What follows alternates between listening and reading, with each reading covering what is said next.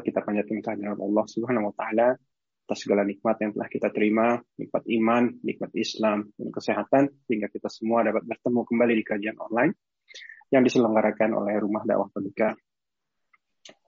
Salawat serta salam semoga tercurahkan kepada Nabi Muhammad Sallallahu Alaihi Wasallam serta keluarganya, para sahabat dan pengikutnya yang istiqomah hingga akhir zaman, dan semoga kita yang berada dalam majelis termasuk ke dalam golongan yang demikian. Amin ya Allah ya Amin ya Rabbal Alamin.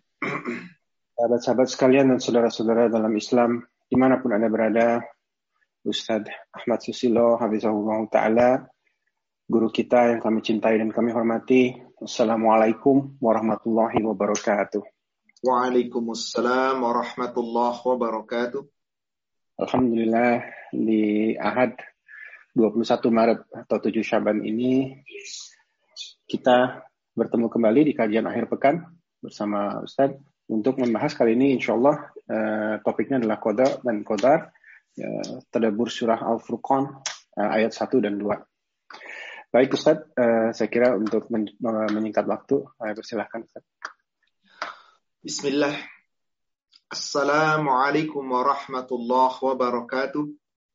Waalaikumsalam warahmatullahi wabarakatuh. Alhamdulillah نحمده ونستعينه ونستغفره ونعوذ بالله من شرور أنفسنا وسيئات أعمالنا. من يهده الله فلا مضل له ومن يضلل فلا هادي له. أشهد أن لا إله إلا الله وحده لا شريك له وأشهد أن محمدا عبده ورسوله لا نبي بعده.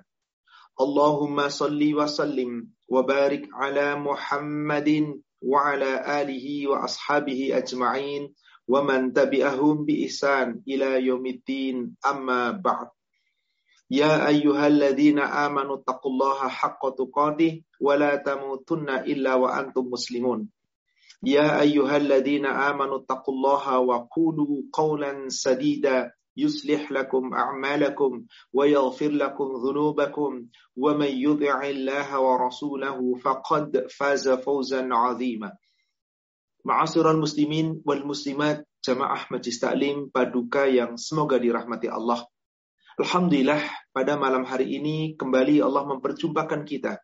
Semoga silaturahim ini senantiasa mendapatkan limpahan rahmat dan barakah Allah Subhanahu wa taala Ridhonya Allah senantiasa tercurahkan untuk kita semua. Semoga kita selalu istiqamah di atas jalan yang hak. Dan kelak semoga Allah wafatkan kita dalam keadaan husnul khatimah. Salawat serta salam semoga terlimpahkan, tercurahkan kepada Nabi kita Rasulullah Muhammad Sallallahu Alaihi Wasallam. Semoga tercurah kepada seluruh keluarga, sahabat, dan seluruh pengikutnya hingga yaumil akhir. Bapak Ibu jawab sekalian, Malam ini insya Allah kita akan mentadaburi surat Al-Furqan, surat 25 ayat 1 dan ayat 2, yang inti dari pembahasan kita pada malam hari ini adalah berkaitan dengan kodok dan qadar.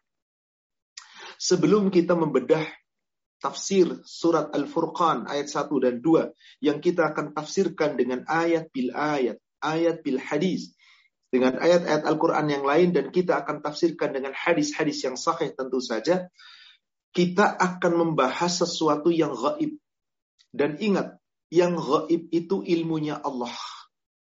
Maka seorang hamba ketika berbicara tentang ilmunya Allah, bahwa ilmu itu Allah itu adalah gaib, yang pertama kita harus imani dulu adalah aminu bil gaib.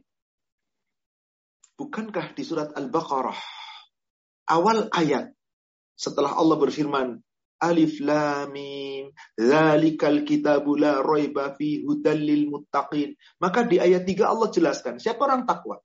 Cuman satu yang diimani, ghaib. Alladzina yu'minuna bil ghaib. Yaitu yang beriman kepada yang gaib. Cuman satu disebut iman kepada yang gaib. Kenapa? Karena seluruh iman rukun inam yang keenam, yang enam itu semuanya gaib. Iman kepada Allah gaib, Iman kepada malaikat Allah gaib. Iman kepada hari akhir gaib. Iman kepada kitab gaib. Iman kepada para rasul gaib. Bagi kita, kita nggak berjumpa rasul. Kecuali sahabat-sahabat yang bertemu dengan rasul pada zamannya. Tapi kita gaib. Apalagi yang keenam. Aminu bi qadar. Iman kepada qadar. atau qada bi qada wa qadar, qada dan qadar. Khair wa syar, baik atau buruk. Kita tidak diperintahkan untuk mencari tahu tentang takdir kita, baik burukkah, tidak. Tapi satu, aminu, beriman, imani. Ini dulu landasan kita.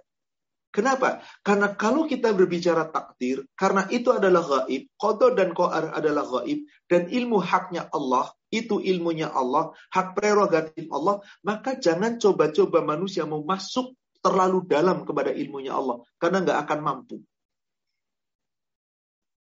Coba kita buka. Pertama, surat Al-Kahfi. Sebelum saya bahas surat Al-Furqannya sebagai bahasan, kita baca Muqaddimah dulu. Al-Kahfi, surat 18, lihat ayat 109 sebelum ayat terakhir. Sebelum Allah perintahkan kita untuk beriman dan beribadah, gak boleh menyekutukan di ayat 110, Allah katakan di ayat 109-nya. Qul, katakanlah. Lau kanal bahru midadan. Sekiranya lautan itu diambil semua, dikuras habis, jadikan tinta. Kemudian apa?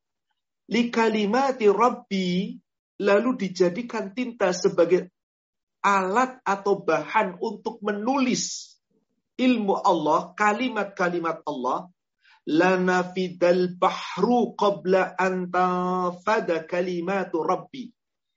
Niscaya tidak akan habis lautan, niscaya habis lautan itu kering diangkat dijadikan tinta, tetapi tidak selesai kalimat-kalimat Allah ditulis. Kalimat-kalimat Allah kemudian dituliskan, dipelajarinya, nggak selesai. Satu samudra lautan dikuras jadi tinta. Ilmu Allah nggak bisa kamu bisa pahami seluruhnya. Walau jikna bimithlihi madada. Meskipun ditambahkan pula sebanyak itu. Jadi artinya apa? ada satu lautan, ambil jadi tinta, jadikan untuk bahan menulis, ilmu Allah, kalimat Allah, ketetapan Allah, silahkan kamu tulis, kering satu lautan ditambah dengan yang sama, tidak bisa kita. Camkan dulu ini wahai saudaraku seiman. Ini ilmu Allah, takdir. Makanya kalau kita sudah mempelajarinya, kok akal kita nggak sampai ya kepada takdir? Jangan berreka-reka, jangan terlalu banyak bertanya tentang itu. Cukup sami nawa tokna. Itulah yang dilakukan para sahabat. Maka para sahabat tidak banyak bertanya tentang takdir.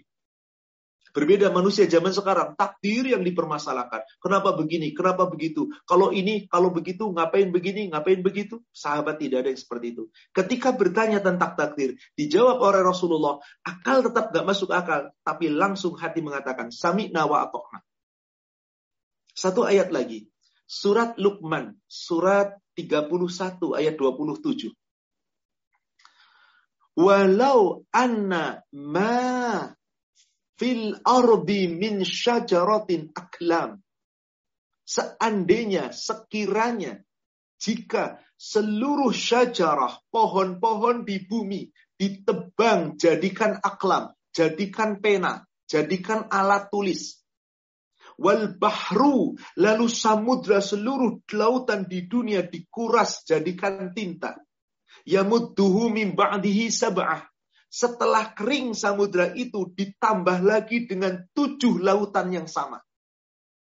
Kalau Al-Kahfi tadi, satu lautan dikuras habis, tambah satu lagi, cuma dua lautan. Di ayat ini, satu samudra yang begitu luas, ambil jadi tinta, seluruh pohon di bumi tebang jadi pena, tambah lagi tujuh lautan yang sama, abhuri ma nafidat kalimatullah tidak pernah akan habis-habis ditulisnya kalimat-kalimat Allah.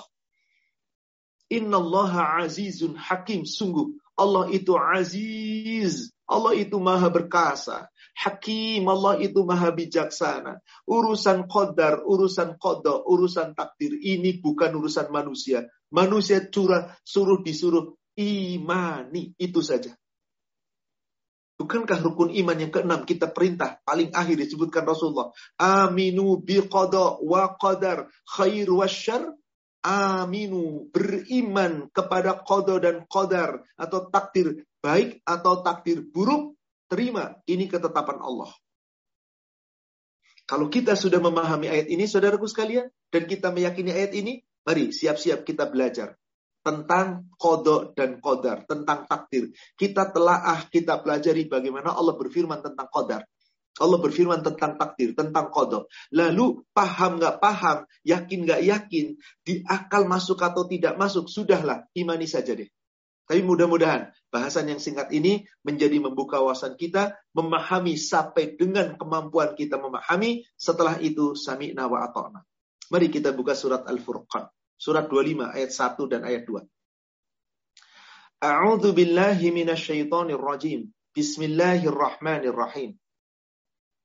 Tabarakalladzi nazzala al-furqan ala 'abdihi liyakuna lil'alamina nadhira. Maha berkah Allah, Maha suci Allah yang telah menurunkan Al-Quran. Allah sebut Al-Quran Furqan, pembeda. Yang membedakan hak dan yang batil. Yang membedakan mana halal, mana haram, mana baik, mana buruk. Itulah Al-Quran, Al-Furqan. Sebagai apa? Sebagai pembeda tadi, agar dia, yakni Al-Quran, dijadikan menjadi pemberi peringatan kepada seluruh alam. Baik itu makhluk namanya jin maupun manusia. Al-Quran itulah yang membedakan hak dan batil. Bagi orang mana yang hak, mana yang batil, nanti akan lihat apakah orang itu mau mengikuti Quran atau tidak. Kemudian di ayat 2 Allah berfirman, Alladhi lahu mulkus samawati wal ard. Allah yang menguasai langit dan bumi yang telah menurunkan Furqan tadi adalah Allah yang menguasai langit dan bumi walam yattahid walada yang tidak memiliki anak walam yakullahu syarik yang tidak ada sekutu baginya fil mulki di dalam kekuasaannya mutlak Allah yang berkuasa untuk menentukan apa pun pada kita. Gak ada yang menyekutukan, yang bisa disekutukan dan tidak boleh disekutukan. Wa kulla syai'in dan Allah yang telah menciptakan segala sesuatu faqaddarahu taqdira. Ada kalimat qaddarahu taqdira. Segala sesuatu yang Allah ciptakan di alam semesta ini berada dalam takdirnya Allah. Apa makna takdir di situ? Disebutkan qaddarahu telah ditetapkan. Takdiro ukuran-ukurannya. Jadi penciptaan Allah di alam semesta ini, langit, bumi, dan segala isinya yang di dalamnya, tanah, tanam, tanaman, gunung, sungai, semuanya, bintang, bulan, matahari, sampai makhluk yang namanya manusia dan binatang-binatang melata. Semua itu Allah ciptakan di atas takdir. Ada qaddarahu ditetapkan oleh Allah, takdiro ukurannya ada ukurannya yang tepat. Matahari Allah tetapkan dengan ukuran yang tepat. Nggak bertambah, nggak berkurang. Seperti itu terus. Beredar di waktu siang, terbenam di waktu malam. Seperti itu terus. Bulan senantiasa Allah sudah tetapkan ukurannya, gak akan berubah. Jaraknya gak akan berubah. Seperti itu terus bersinar di waktu malam. Itu apabila waktu tanggal muda akan kecil, tambah besar, besar, besar. Sempurna di tengah bulan, 13, 14, 15. Mengecil, berkurang kembali, mengecil, hilang kembali di akhir bulan. Seperti itu terus, tidak pernah berubah. Itulah takdir. Itulah qadha, itulah qadar, ketetapan Bukan hanya pada makhluk. Kita harus pahami dulu, saudaraku seiman yang semoga dirahmati Allah. Bahwasanya takdir Allah, kodo dan kodarnya Allah. Bukan Allah tetapkan hanya untuk manusia. Tapi Allah tetapkan untuk seluruh makhluk. Maka segala sesuatu telah Allah tetapkan. Berdasarkan apa? Takdir. Ada ukurannya, ada ketetapannya. Maka makna kodar di dalam Al-Quran bisa diartikan dengan ukuran, bisa diartikan dengan ketetapan. Coba kita buka ayat yang lain, surat Al-Hijr, surat 15. Lihat ayat 21. Wa immin syai'in illa indana khazainu. Dan segala sesuatu tidak ada melainkan pada sisi Allah ada khazanahnya. Wa nunazziluhu. Dan tidaklah Allah menurunkannya segala sesuatu yang Allah ciptakan itu. Melainkan dengan ukuran yang telah maklum, yang sudah ditetapkan, yang tertentu, yang tidak bisa berubah. Kecuali Allah yang berubah.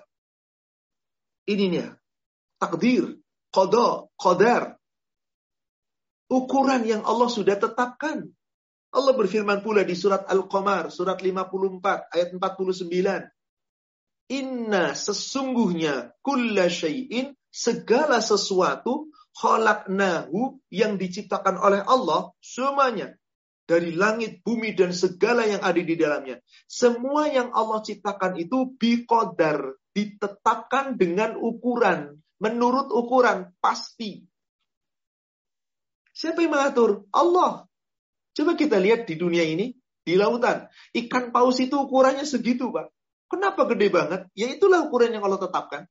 Ikan hiu segitu, ikan apa teri segitu, Pak. Ya segitulah. Gak mungkin ikan teri tiba-tiba jadi gede melebihi enggak. Ikan paus mengecil susut enggak.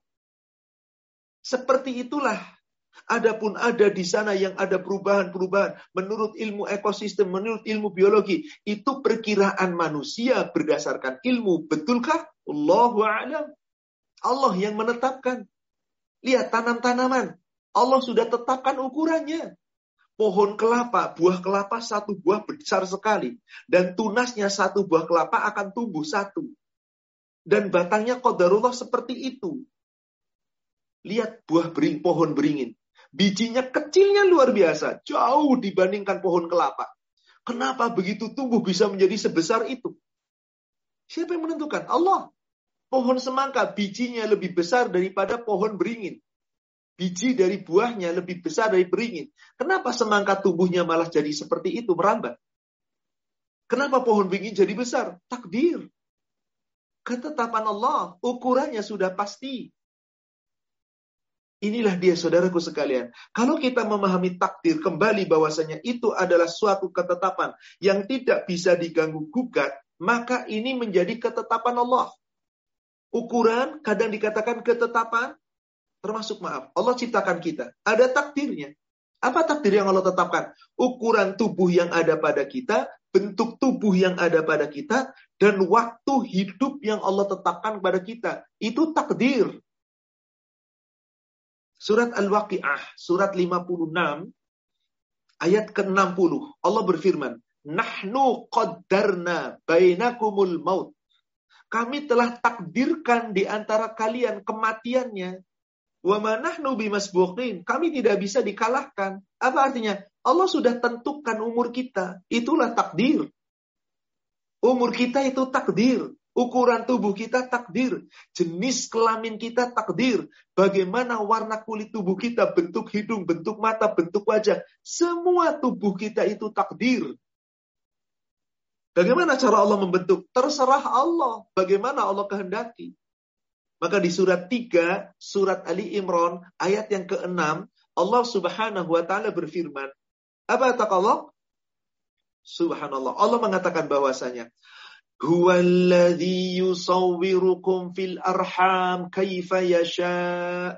Dialah Allah yang telah membentuk rupamu ketika kamu masih dalam rahim. Sejak ketemunya sel telur dengan sel sperma, dibuahinya di dalam rahim oleh sel sperma, lalu melekat di dalam rahim, Allah sudah tentukan itu nanti bentuknya kayak apa, wajahnya seperti apa, rambutnya kayak apa, hidungnya kayak apa, matanya kayak apa, telinganya kayak apa, sempurna atau tidak, jenis kelaminnya apa, umurnya nanti berapa, sudah ditetapkan di dalam rahim kaifa yasha. La ilaha illahu azizul hakim. Allah itu maha perkasa. Allah maha bijaksana. Jadi yang namanya takdir itu ketetapan Allah yang ukurannya sudah pasti dan ingat bukan hanya kepada manusia Allah takdirkan, kepada seluruh alam Allah sudah tetapkan yang namanya takdir. Saya masih tunjukkan dulu beberapa ayat. Silakan kita buka surat Yasin. Surat 36, ayat ke-38 dan ayat ke-39. Allah Subhanahu wa taala berfirman, Asyamsu tajri wasyamsu tajri limustaqarrillaha. Zalika taqdirul azizil alim. Matahari beredar berjalan pada tempat peredarannya. Itulah takdir Allah, ketetapan Allah yang ukurannya sudah pasti, ketetapannya pasti, dan tetap seperti itulah matahari. Terbit di timur, terbenam di barat. Ila yaumil akhir. Kecuali ketika datangnya hari akhir. Allah perintah matahari. Terbit dari barat. Nurut matahari. Dan terus bersinar setiap hari. Nggak pernah lelah, nggak pernah berubah. Tetap di tempatnya, di tempat peredarannya. Bagaimana bulan? Wal qamara qaddarnahu manazila hatta ada kalurjunil qadim.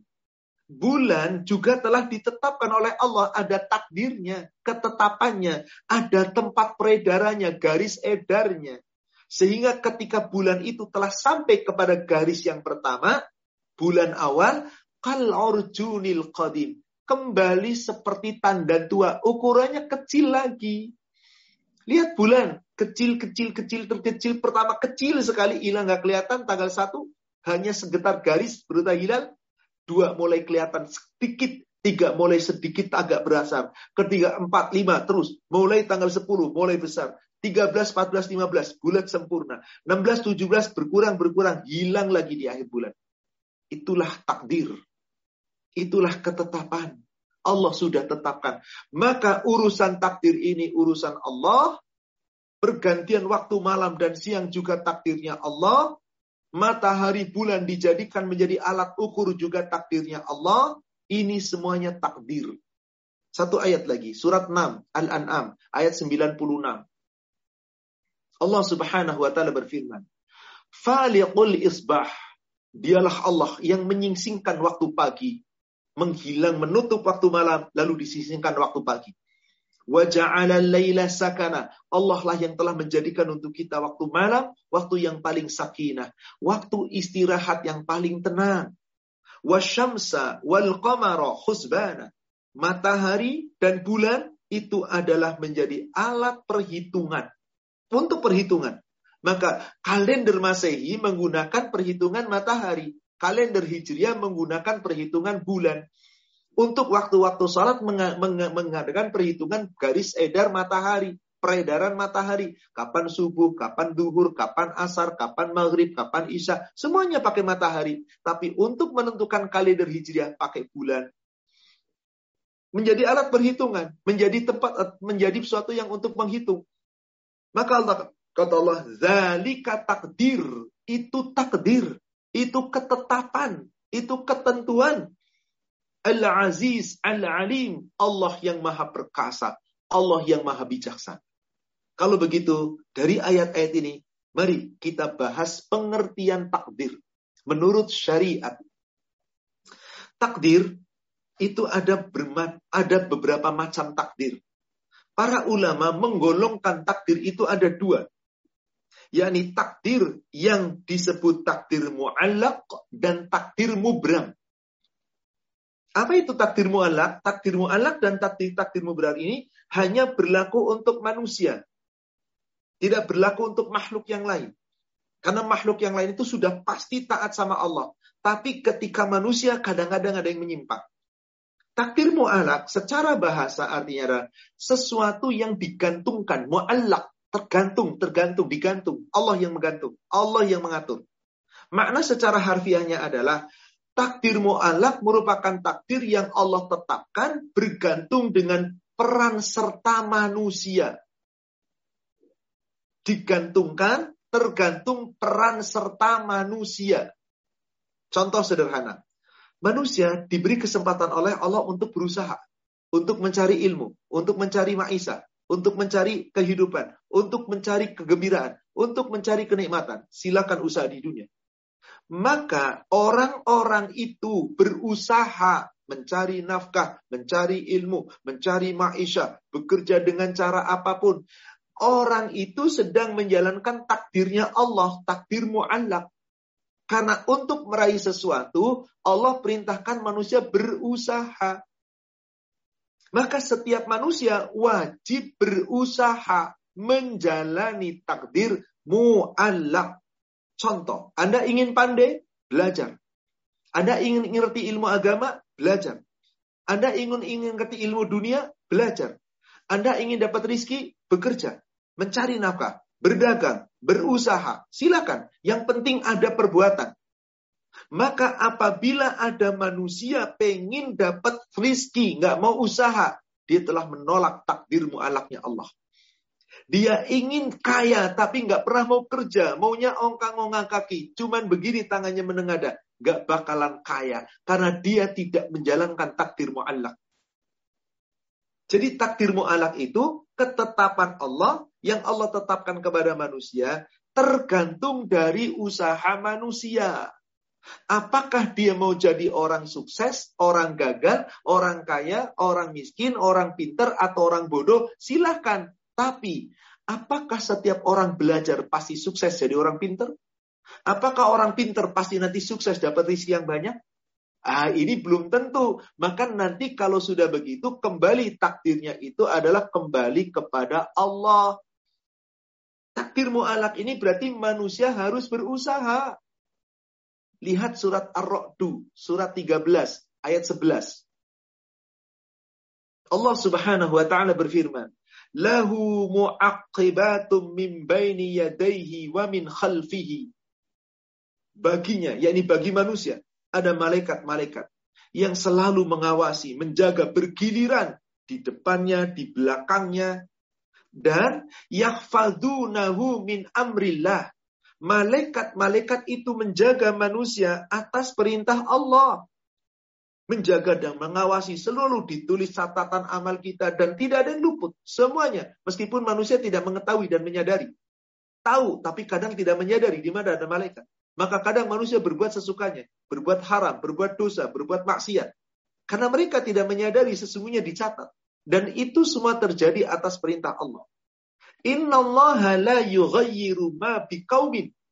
Sesungguhnya Allah tidak akan yughayyir, merubah keadaan ma apa-apa dari suatu kaum kita manusia.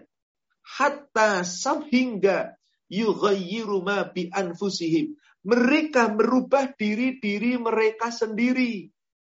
Inilah takdir mu'allak takdir yang digantungkan oleh Allah. Allah kasih rizki kepada kita. Tanpa usaha, nggak bisa. Harus usaha.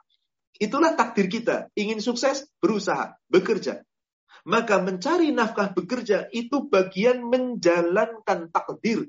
Adapun hasil akhirnya, ini nanti masuk kepada takdir mubram ketetapan Allah, takdir mubram, yang manusia sudah bekerja berusaha dengan mu'alaf, tapi hasilnya yang menentukan Allah. Hasil akhirnya Allah yang menentukan. Inilah takdir.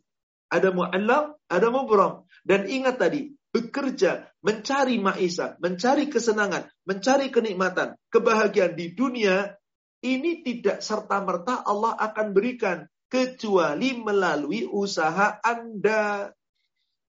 Maka dikatakan, wa idza aradallahu biqaumin su'an fala wa ma min dunihi min wal. Jika Allah menghendaki suatu keburukan terhadap suatu kaum karena kaum itu durhaka kepada Allah, maka tidak ada yang dapat menolaknya dan tidak ada pelindung selain Allah. Ini dia takdir. Maka Bapak Ibu jamaah sekalian, seorang bekerja sedang menjalankan takdir. Hasil akhirnya nanti, apakah sukses, apakah gagal, rizkinya banyak atau sedikit, itu sudah menjadi takdir Allah. Tetapi Anda sudah berusaha. Mau banyak, mau sedikit, jangan kita mengeluh, jangan kita melebih berlebihan. Yang penting terima ini ketetapan Allah. Bersyukur ketika berhasil, bersabar ketika belum berhasil bekerja itu takdir yang Allah perintahkan kepada kita. Mu'allak harus kamu jalankan. Lihat surat 9, surat At-Taubah ayat 105.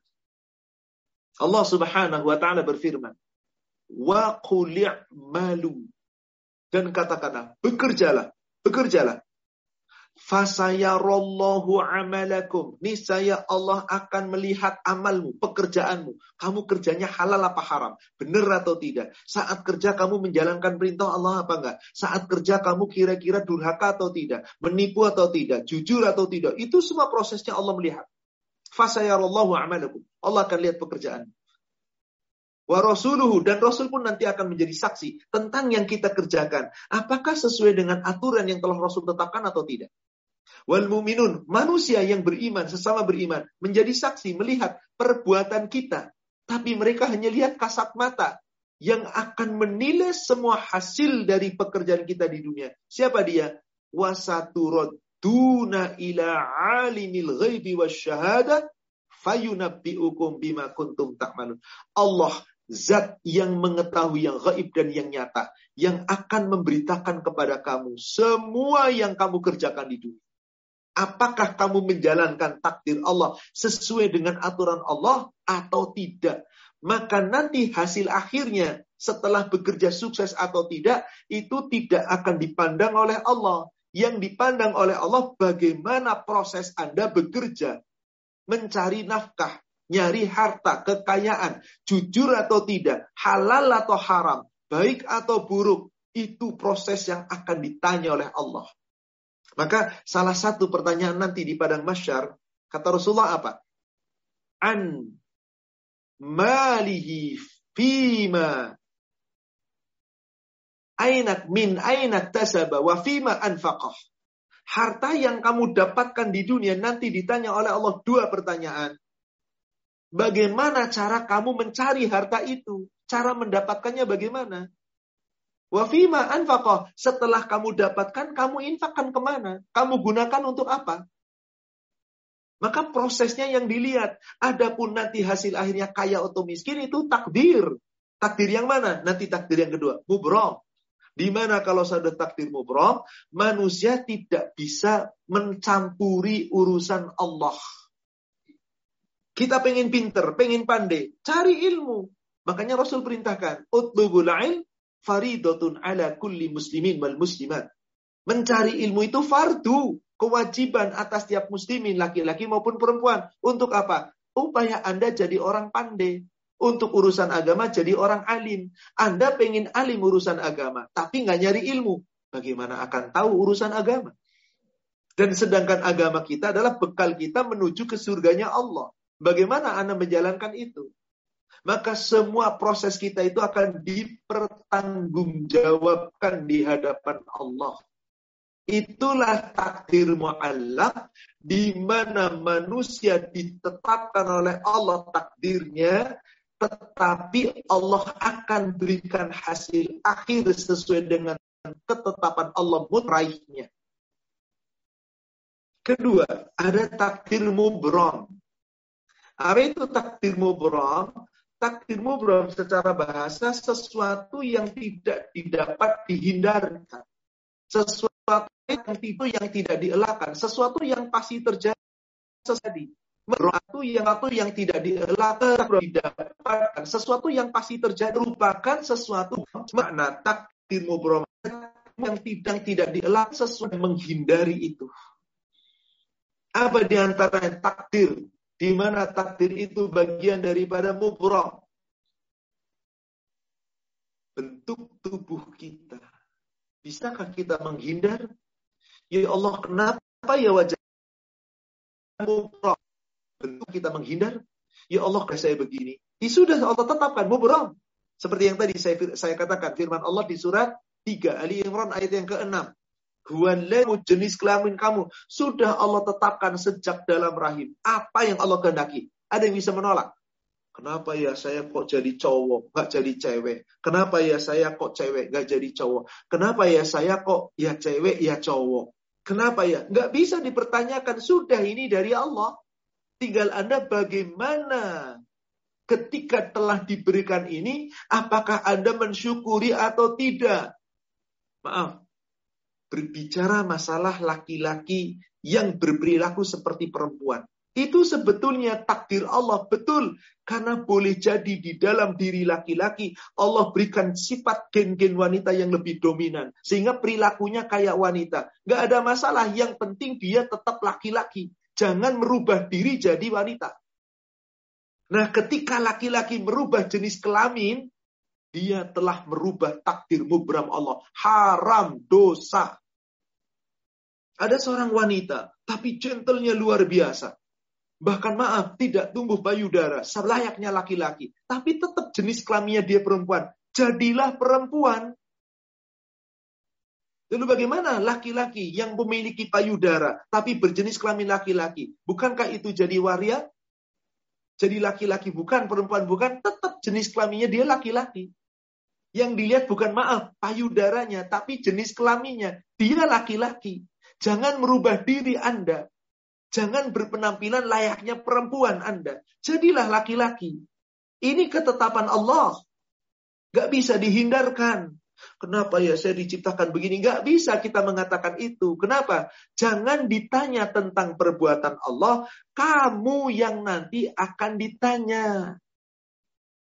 Kamu yang akan ditanya. Maka nggak perlu kita bertanya tentang apa yang Allah perbuat kepada kita. Kalau itu berkaitan dengan takdir mubrom. Segala penciptaan yang pada kita, bentuk tubuh kita, model tubuh kita. Allah. Kenapa ya hidup saya kok nggak kayak orang-orang bule mancung? Sudahlah, mancung tidak menyebabkan masuk surga kok. Betapa banyak orang mancung malah masuk neraka karena durhaka. Jangan dirubah ini hidung dari Allah. Ini alis dari Allah. Ini jenggot, ini kumis dari Allah. Semua dari Allah. Ini bibir dari Allah. Maka siapa yang hendak merubah takdir mubram, haram. Bibir dirubah biar operasi bibir. Operasi hidung. Alis dikerok, ditato. Ini bukankah zaman sekarang banyak wanita seperti itu? Jadi apa dia? Merubah takdir Allah. Inna lillahi wa inna ilaihi raji'un. Apalagi sampai kemudian protes sudah berubah mempertanyakan lagi. Allah jangan ditanya, tetapi kamu yang akan ditanya. Di surat Al-Anbiya, surat 21, ayat 23, ayat itu mengatakan begini kamu tidak boleh bertanya kenapa Allah begini dan begitu.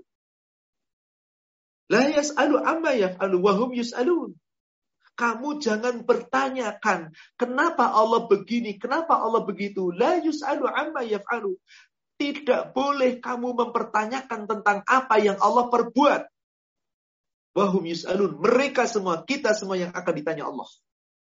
Jadi kalau urusannya sudah takdir mubrom, kembalikan kepada Allah. Termasuk di antaranya apa? Kematian.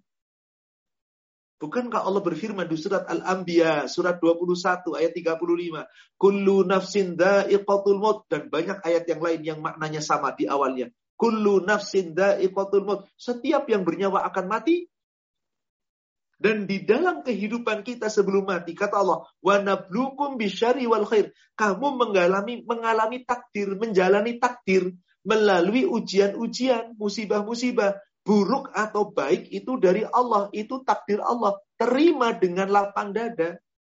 Kalau menimpa kita kebaikan, syukuri. Menimpa kita keburukan, bersabar. Beres. Kenapa? Karena semua kita, wa ilaina turjaun pada akhirnya kembali kepada Allah dimintai pertanggungjawaban.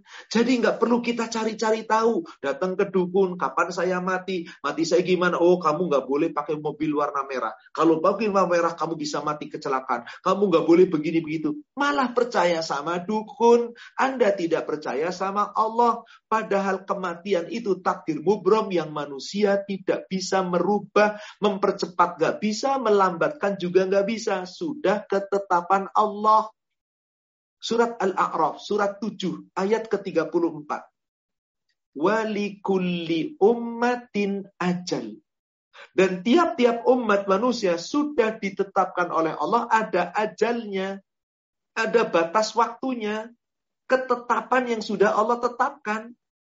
Fa'idha ja'a ajaluhum la yastakhiruna sa'ah.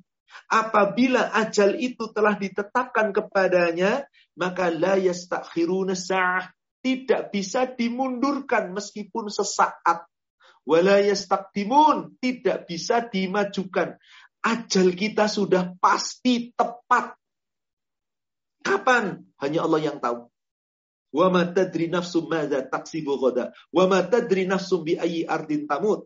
Tidak ada satupun manusia yang mengerti, yang mengetahui apa yang akan diperbuatnya besok. Kecuali hanya berusaha, lalu berniat.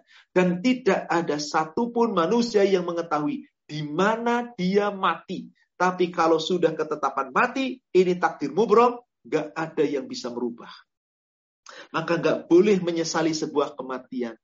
Nggak boleh menyesali sebuah musibah. Karena musibah dan seluruhnya itu takdir Allah. Itu takdir mubram. Yang manusia tidak bisa merubahnya.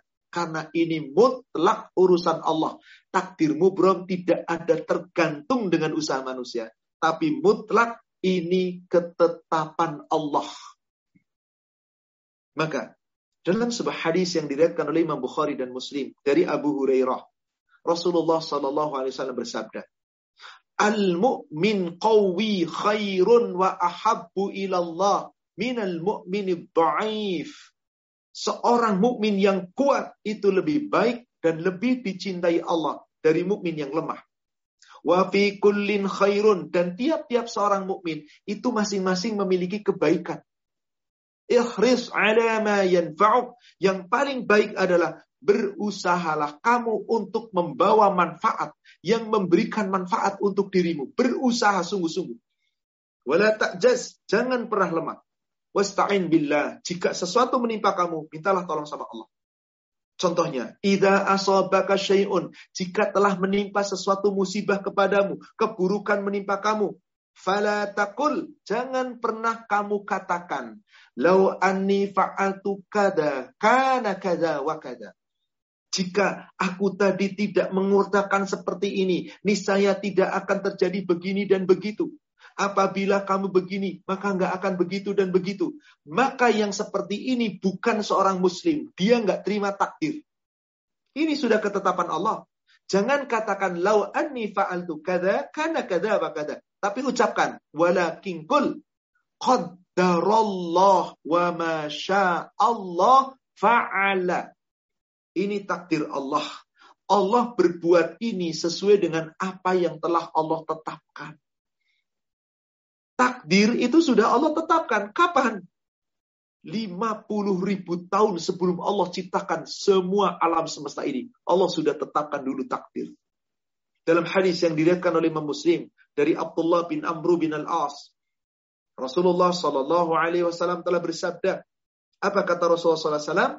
Kataballahu maqadiral khalaiq qabla ayyahlukus ayyahlukas samawati wal ard. Allah telah menetapkan takdir untuk seluruh makhluk yang Allah ciptakan. Sebelum Allah menciptakan langit dan bumi. Bi khamsina alfasanatin. 50 ribu tahun Subhanallah. 50 ribu tahun sebelum Allah ciptakan langit dan bumi. Allah sudah tetapkan dulu takdir. Lalu kamu mau memprotes takdir Allah? Lalu kamu mau mengapa takdir Allah, mempertanyakan takdir Allah? Lihat lagi surat 57, saudaraku sekalian. Berkaitan dengan takdir yang sifatnya mubrom.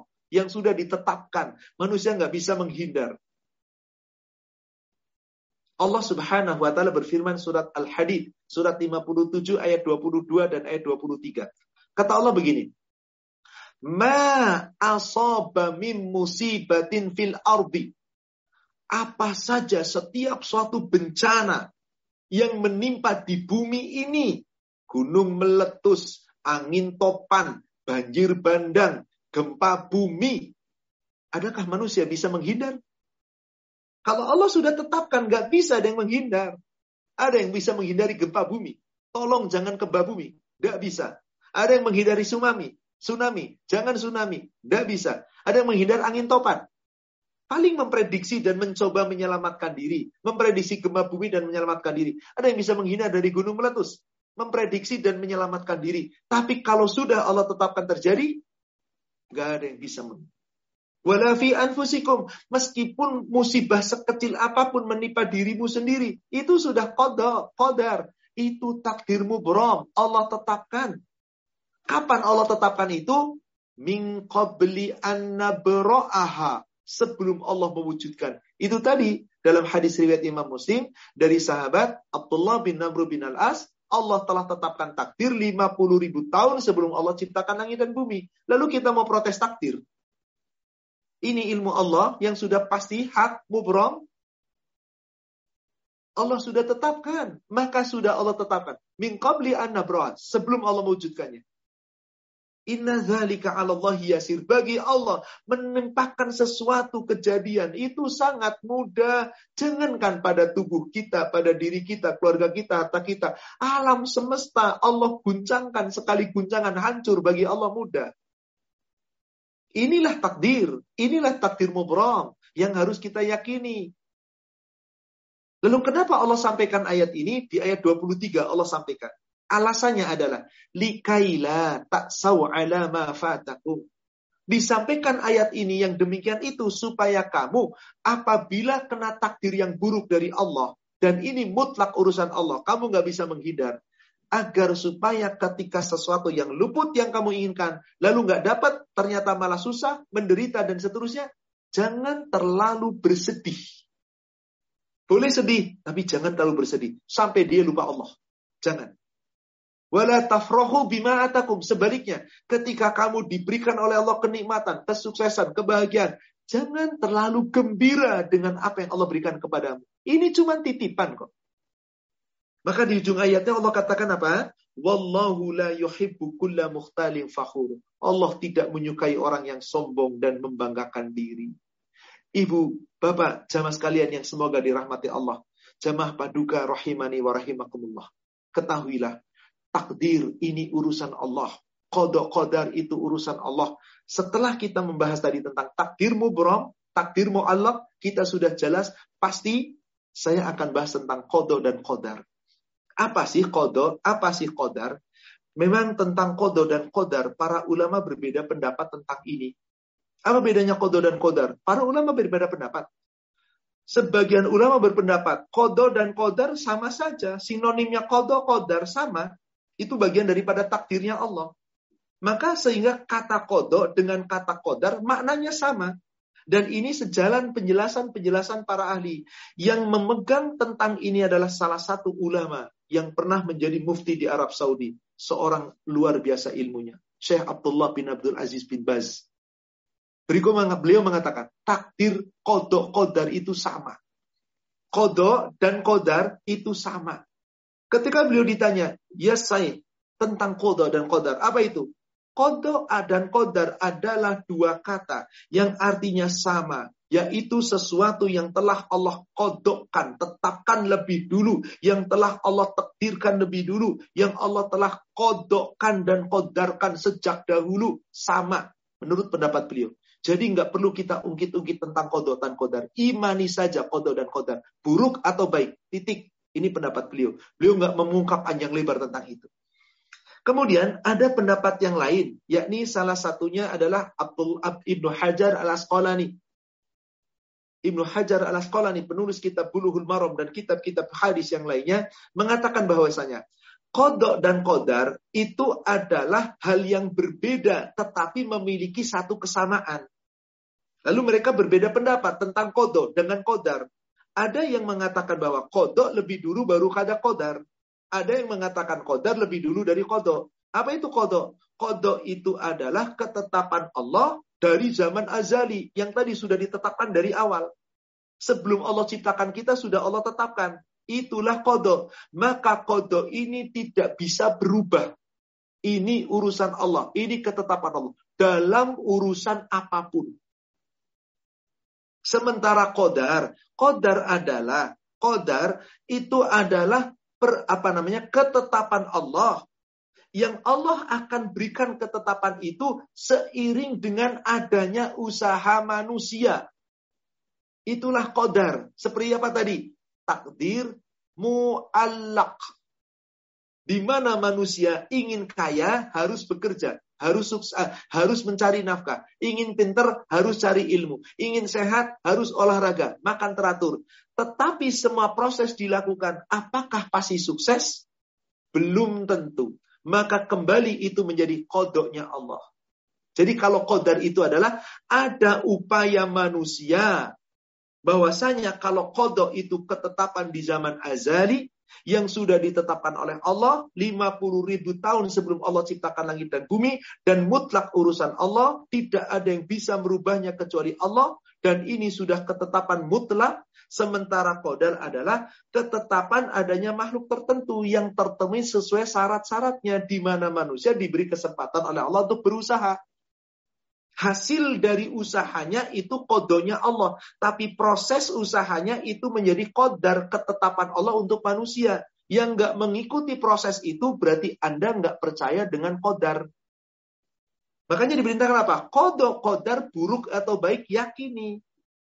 Sementara sebagian ulama yang lain, yakni seperti pendapatnya sebagian ulama, Ar-Rahib Al-Asfani, mengatakan bahwasanya kodar yang lebih dulu daripada kodok. Qadar itu yang ditetapkan dari zaman azali, 50 ribu tahun sebelum Allah ciptakan makhluk. Sementara kodok, ketetapan Allah kepada makhluk harus dengan melalui usahanya makhluk.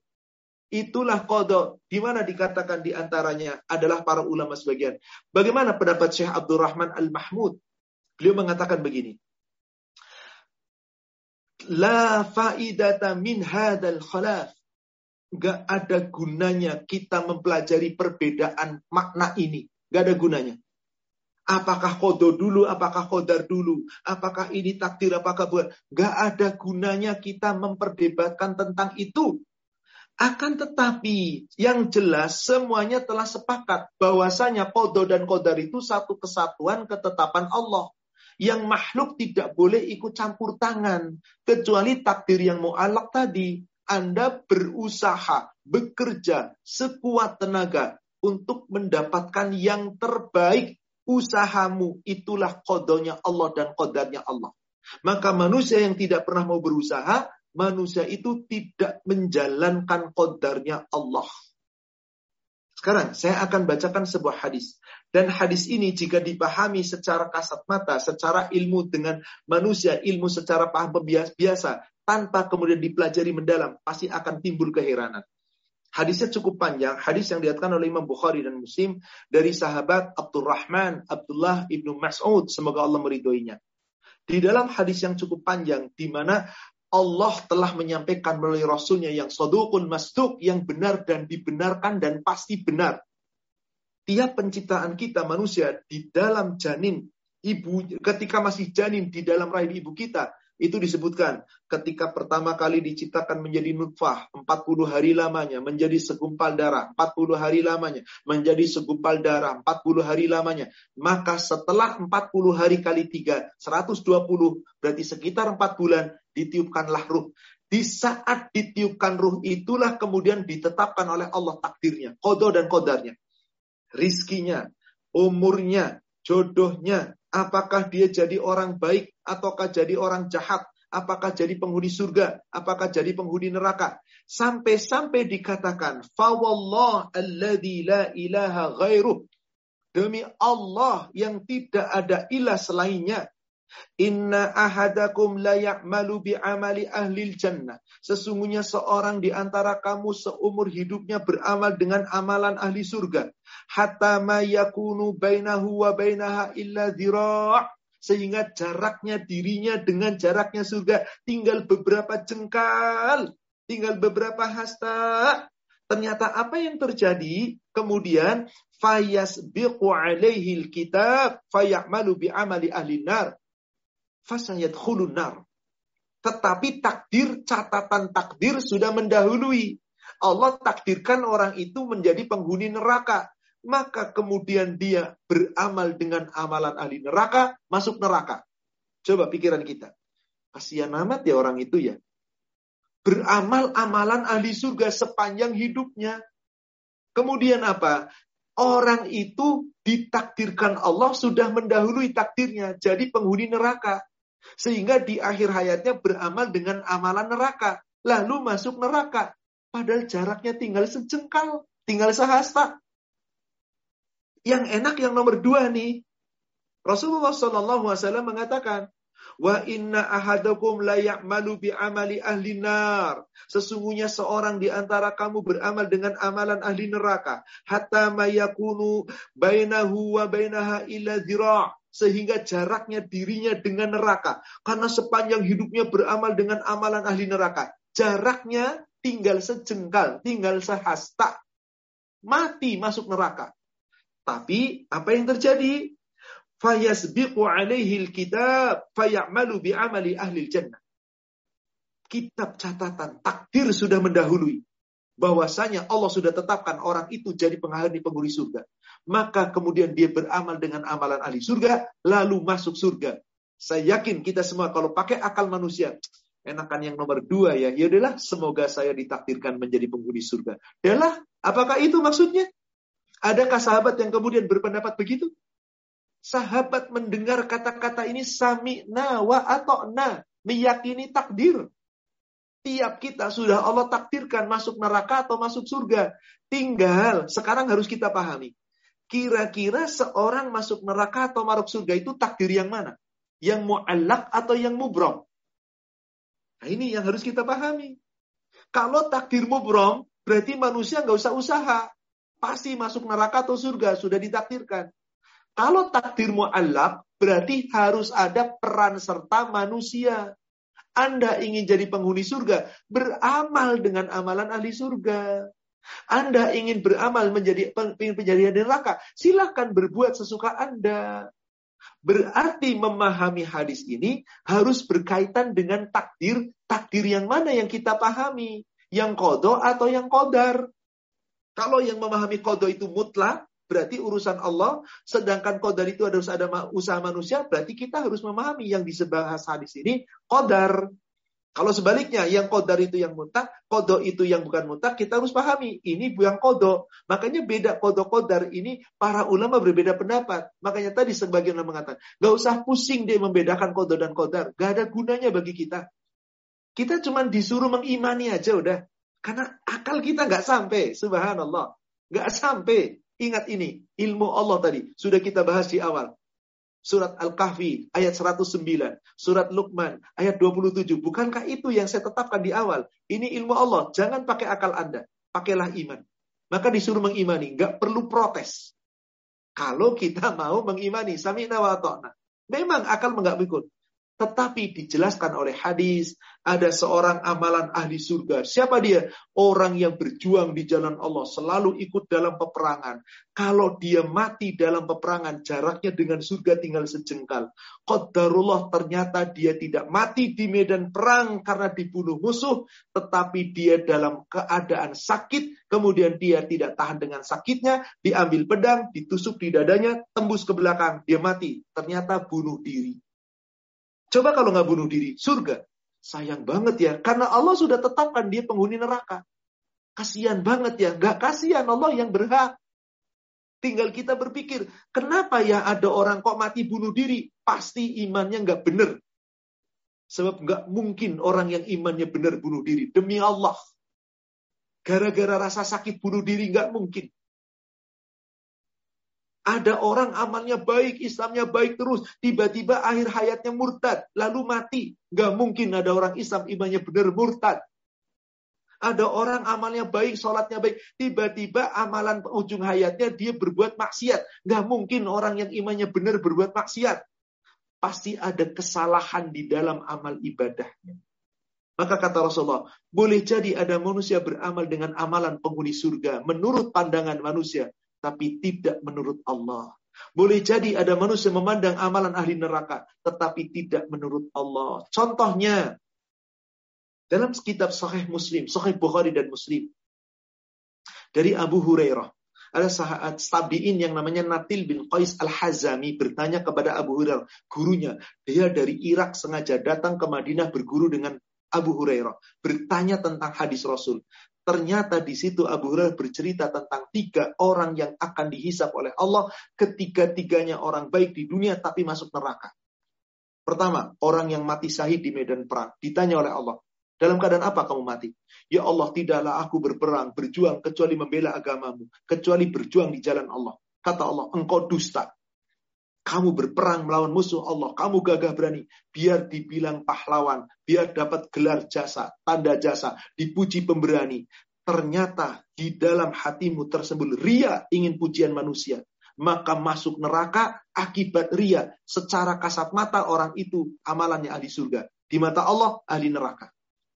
Kedua, seorang alim, seorang alim yang mengajarkan Quran, memahami Quran, baca Quran, suaranya indah, hafal, paham, maksud indah, semuanya. Tetapi kemudian ditanya Allah, apa yang kamu lakukan? Ya Allah, aku tidak belajar Quran, tidak belajar hadis, tidak belajar agama. Aku tidak baca Quran, kecuali semua untukmu ya Allah. Allah katakan, kau dusta.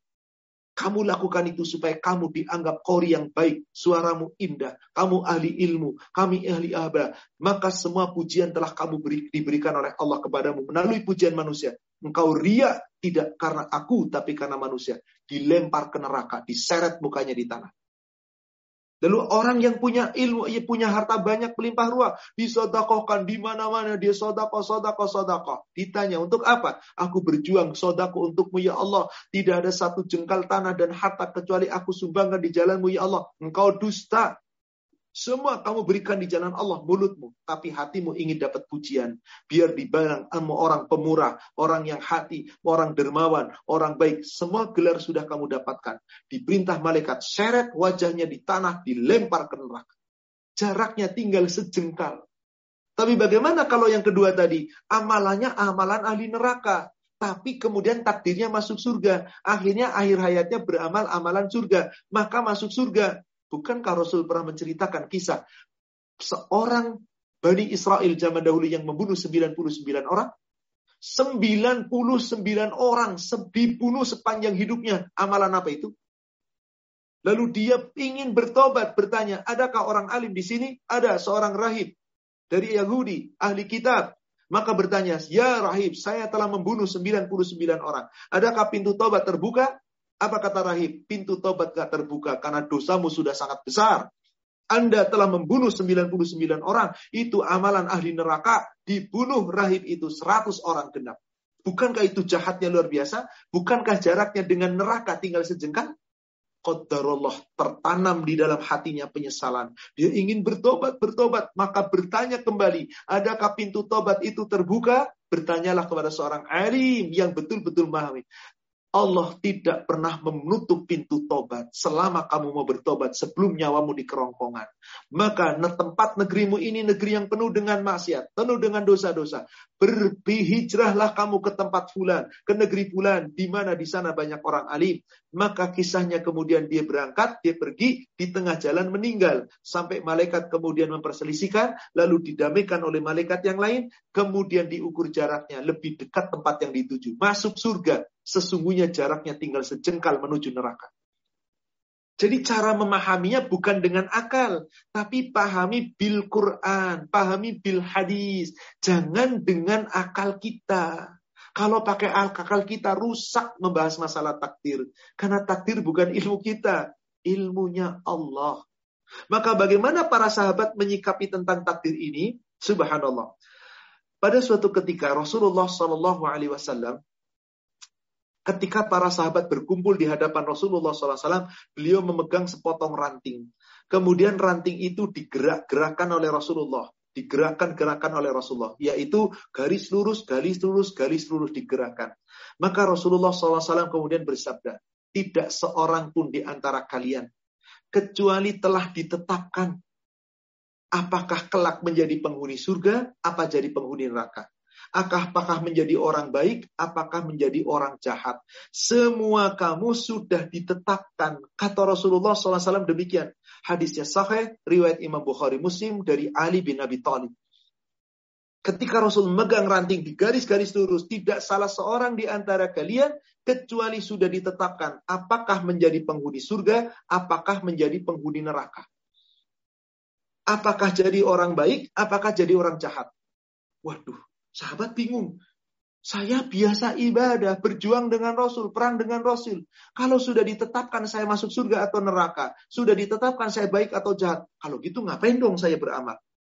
Maka ada sahabat bertanya, Ya Rasulullah, afala tamaktulu ala kitabina wa nada'al amal. Ya Rasulullah, kalau kami sudah ditetapkan oleh Allah di dalam takdirnya, apakah jadi orang baik ataukah jadi orang jahat, ataukah jadi penghuni neraka atau menghuni surga. Kalau begitu lebih baik kita nggak usah beramal aja, tunggu takdir aja. Apa kata Rasulullah? Faqala. Beliau bersabda begini. Man kana min ahli sa'adah fasayasiru ila amali ahli sa'adah. Adapun orang yang sa'adah, orang yang berbahagia, orang ahli bahagia adalah orang itu selalu beramal, beramal, beramal untuk menuju bahagia. Yakni ini menghadang surga. Kalau Rasul menyebutkan kata-kata sa'adah, sa'id, su'aid, di dalam Al-Quran ibu, Allah menyebut kata-kata sa'id cuma dua kali. Sa'adah, sa'idun, su'aidu, bahagia. Bahagia itu nggak pernah ada di dunia. Kecuali orang yang bisa merasa bahagia di dunia. Siapa mereka? Orang yang bisa merasakan dunia bagaikan surga. Apa pun yang terjadi dia ikhlas, nikmat maka tidak akan masuk surga sebelum merasakan surga di dunia. Maksudnya apa? Sebelum Anda ikhlas menerima ketetapan apa pun. Allah, takdir buruk, takdir baik kita, terima. Yang penting kita saadah nanti, bahagia. Kata saadah sekali lagi, Allah hanya firmankan dua ayat. Kata bahagia nggak diketemukan di ayat yang lain. Cuma di dua ayat.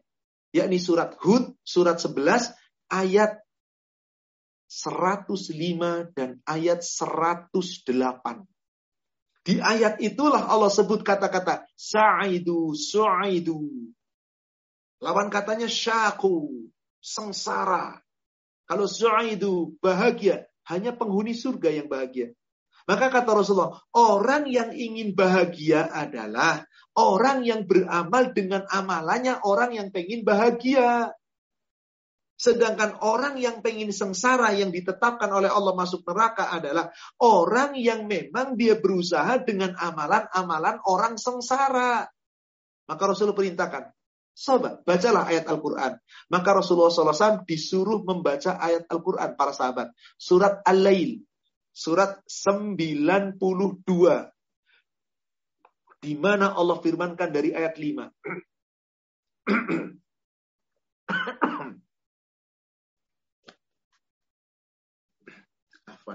Bismillah.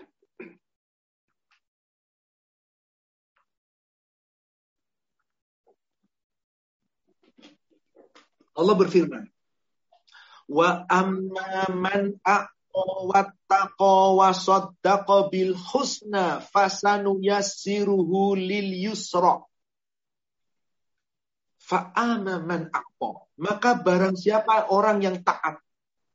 Wattaqa yang bertakwa memberikan ketaatan banyak nih wasaddaqa bil husna dan senantiasa berbuat kebaikan, bersodakoh dengan kebaikan, fasanu yasiruhu lil yusra. Allah mudahkan baginya jalan yang mudah. Jadi orang yang menjaga ketaatannya, menjaga ketakwaannya, yang selalu sodako, membenarkan kebaikan-kebaikan, bersodakoh dengan kebaikan-kebaikan, Allah mudahkan jalan menuju surga. Apa artinya di sini? Masuk surga, masuk neraka bukan takdir mubrom. Masuk surga, masuk neraka bukan kodok mutlak.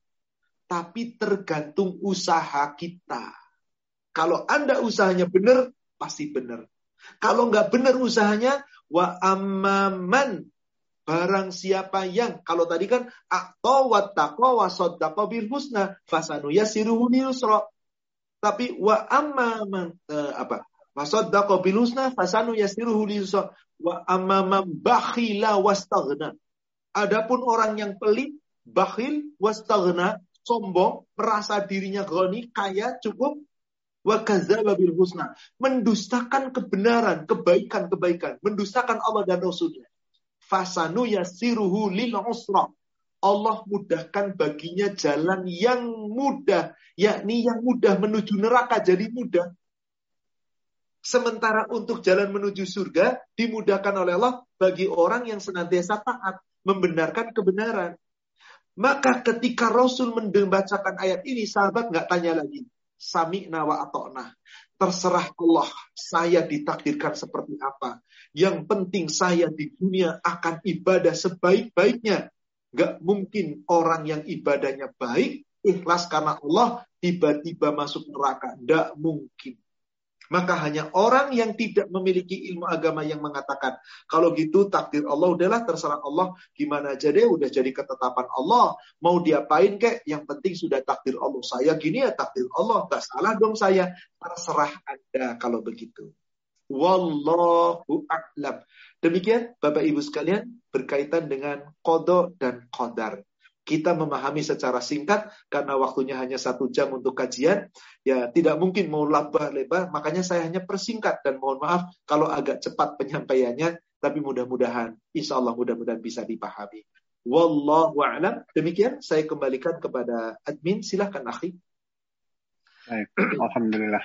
Uh, insya Allah, uh, Ustaz uh, ilmunya. Terima kasih. Jazakallah khair.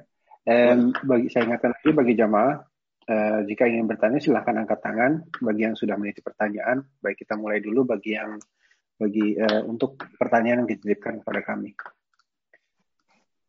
Bismillah. Assalamualaikum Ustaz mau bertanya.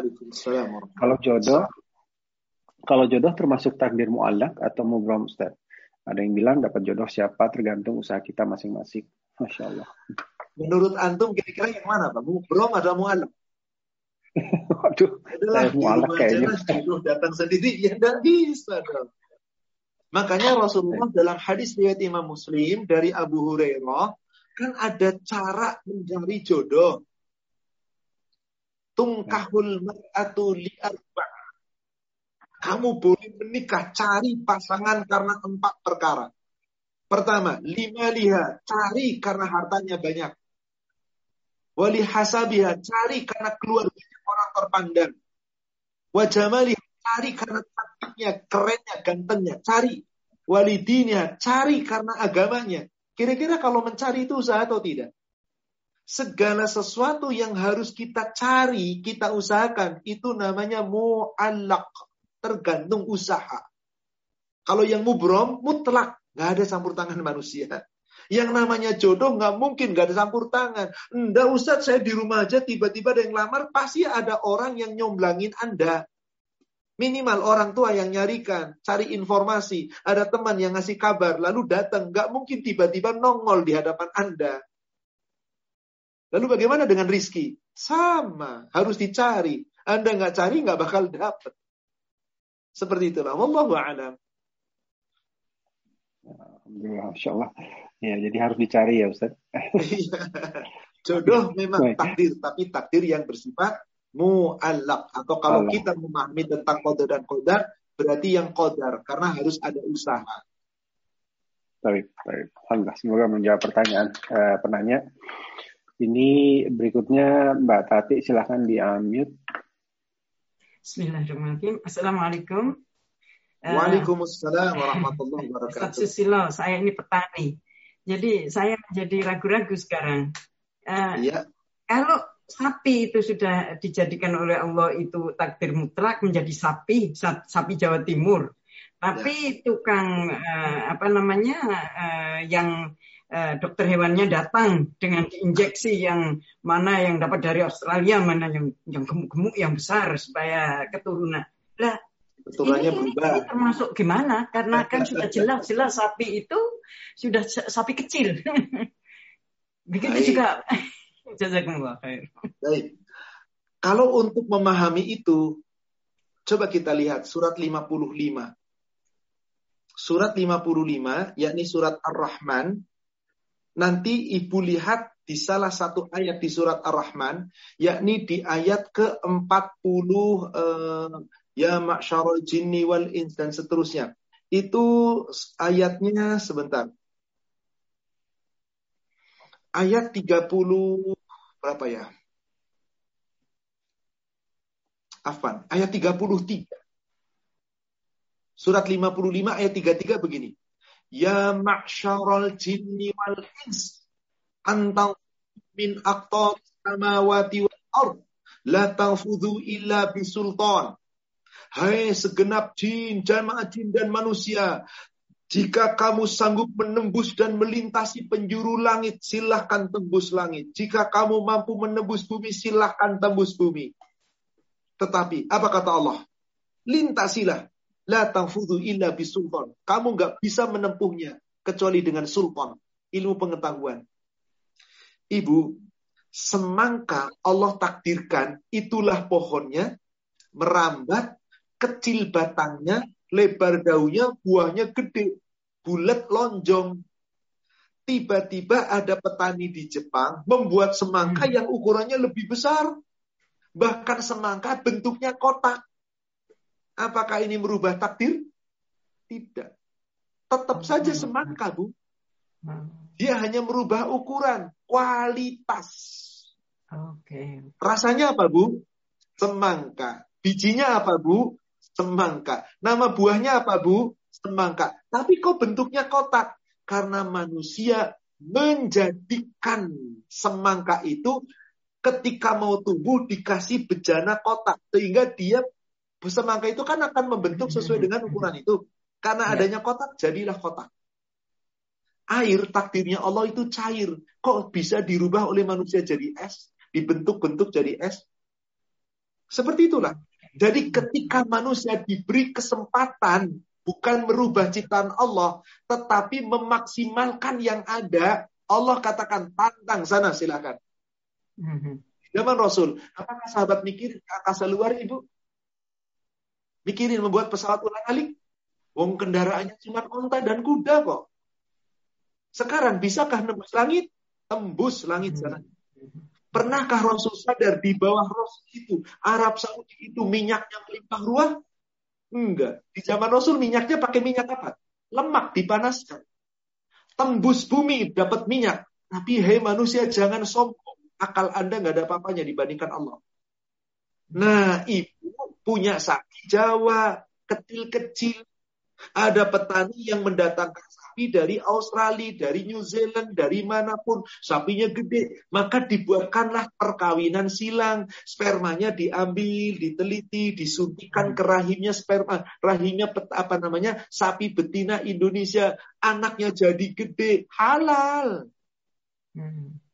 Contohnya, ibu wanita hamil, prosesnya bagaimana? Alami. Ada hmm. wanita suami istri nggak bisa hamil karena sperma nggak bisa ketemu alami.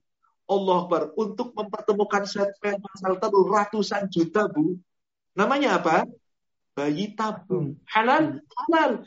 Asal spermanya sperma suami, rahimnya rahim istri. Jadi di Eropa gimana Bu? Di Amerika gimana Bu? Ya, ya, ya. Bang sperma, wanita kurang cantik, ingin anak cantik, minta spermanya David Beckham, jadi keren kayak David Beckham. Nah itu haram. Ada wanita pengen punya ada wanita punya wanita lain dikasih bayar ada punya anil ini sama rahimnya waktu juta. Maka haram karena prosesnya keluar dari syariat. Karena ada cara. Hidroponik gak usah tanah luar. Cukup tanah daripada yang berhektar-hektar. Apa namanya ibu ilmu. Maka Allah akan ditantang di surat 55 ayat 33. Ya ma'syarul jinni wal ins antanfudhu min aqtaris samawati wal ard. La tanfudhu illa bisultan. Tanpa sultan kamu nggak bisa. Apa itu sultan? Kekuasaan. Apa itu kekuasaan? Kekuatan. Apa itu kekuatan? Bisa ilmu, bisa tenaga. Ternyata kekuatan yang paling dahsyat adalah ilmu. Demikian Ibu, Wallahu a'lam. Jadi nggak usah khawatir, Ibu. Kembangkan pertanyaan Ibu insya Allah. Masya Allah. Masya Allah, Alhamdulillah. Uh, baik Ustaz, saya saya sebelum ke penanya langsung, saya share uh, mereka yang meniti pertanyaan. Afwan. Silakan. Bismillahirrahmanirrahim. Ustaz, uh, ini pertanyaan menarik nih. Kalau orang meninggal di santet, apakah itu takdir Ustaz? Baik. saya akan bertanya, mungkin nggak orang baik-baik disantet Pak? Saya akan bertanya, mungkin nggak orang baik-baik disantet, Pak? Mungkin, Ustaz. Kalau menurut saya mungkin, mungkin Ustaz. Mungkin. mungkin. Tetapi kalau ada yang disolimi. Ya. Rasul orang baik-baik atau baik sekali? Baik sekali. Disantet loh Rasul. Maaf, hmm. santet itu kan sihir. Ya. Rasul disihir oleh wanita Yahudi. Kena sihir. Hmm. Tapi Rasul dilindungi oleh Allah. Dan Rasul minta perlindungan kepada Allah. Yang namanya sihir, santet, itu perbuatan siapa Pak? Setan. Kalau ada manusia minta bantuan setan, setan senang. Maka ada orang disantet sampai mati, ini takdir, takdir. Tapi pasti ada sebabnya kenapa Anda disantet. Karena pasti ya. Anda mungkin pernah menyakiti orang ini. Tidak pernah menyakiti, kenal aja enggak. Orang ini disuruh oleh orang yang kenal dengan Anda. Iya, tapi saya nggak berbuat jahat apa. Dia ini hasad dengan Anda. Iri dengan Anda. Mungkin Anda sukses terus. Mungkin Anda disayang bos dan seterusnya. Ini iri. Anda nggak punya salah maka proses kematian meskipun disantet ini menjadi takdir Allah, Allah hanya melihat bagi kamu bukan cara matinya, tapi bagaimana akidahmu di saat kamu mati. Ya. Kalau kita akidahnya Islam, iman, mau mati kayak apa? Halal. Bukankah santet itu berarti musibah? Bencana? Maka dalam hadis yang dilihatkan oleh Imam Muslim dari Abu Hurairah, Rasul bersabda, Asyahidu khamsatu. Orang mati syahid itu ada lima. Pertama, al-mat'un, orang yang mati karena penyakit menular, wabah. Al-mabtun, orang yang mati karena sakit perut atau wanita-wanita melahirkan.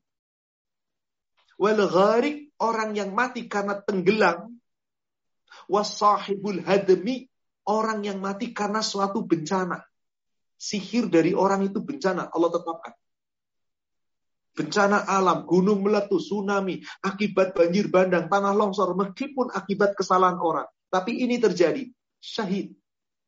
Wasahidu fi. Dan orang yang mati ketika berperang di jalan Allah. Maka di saat manusia mati, Allah tidak melihat apakah matinya kena apa. Yang penting di saat matinya itu dia dalam rangka taat kepada Allah.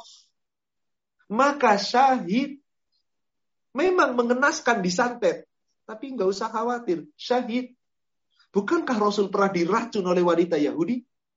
Sampai Rasul makan sudah sampai di tenggorokan. Lalu Rasulullah diperingatkan oleh Jibril ada racun. Bekas racunnya kata Anas, aku lihat di lehernya. Sahabat yang makan daging kiriman itu mati, diracun. Apakah kemudian mati jiratul mati sia-sia? Tidak.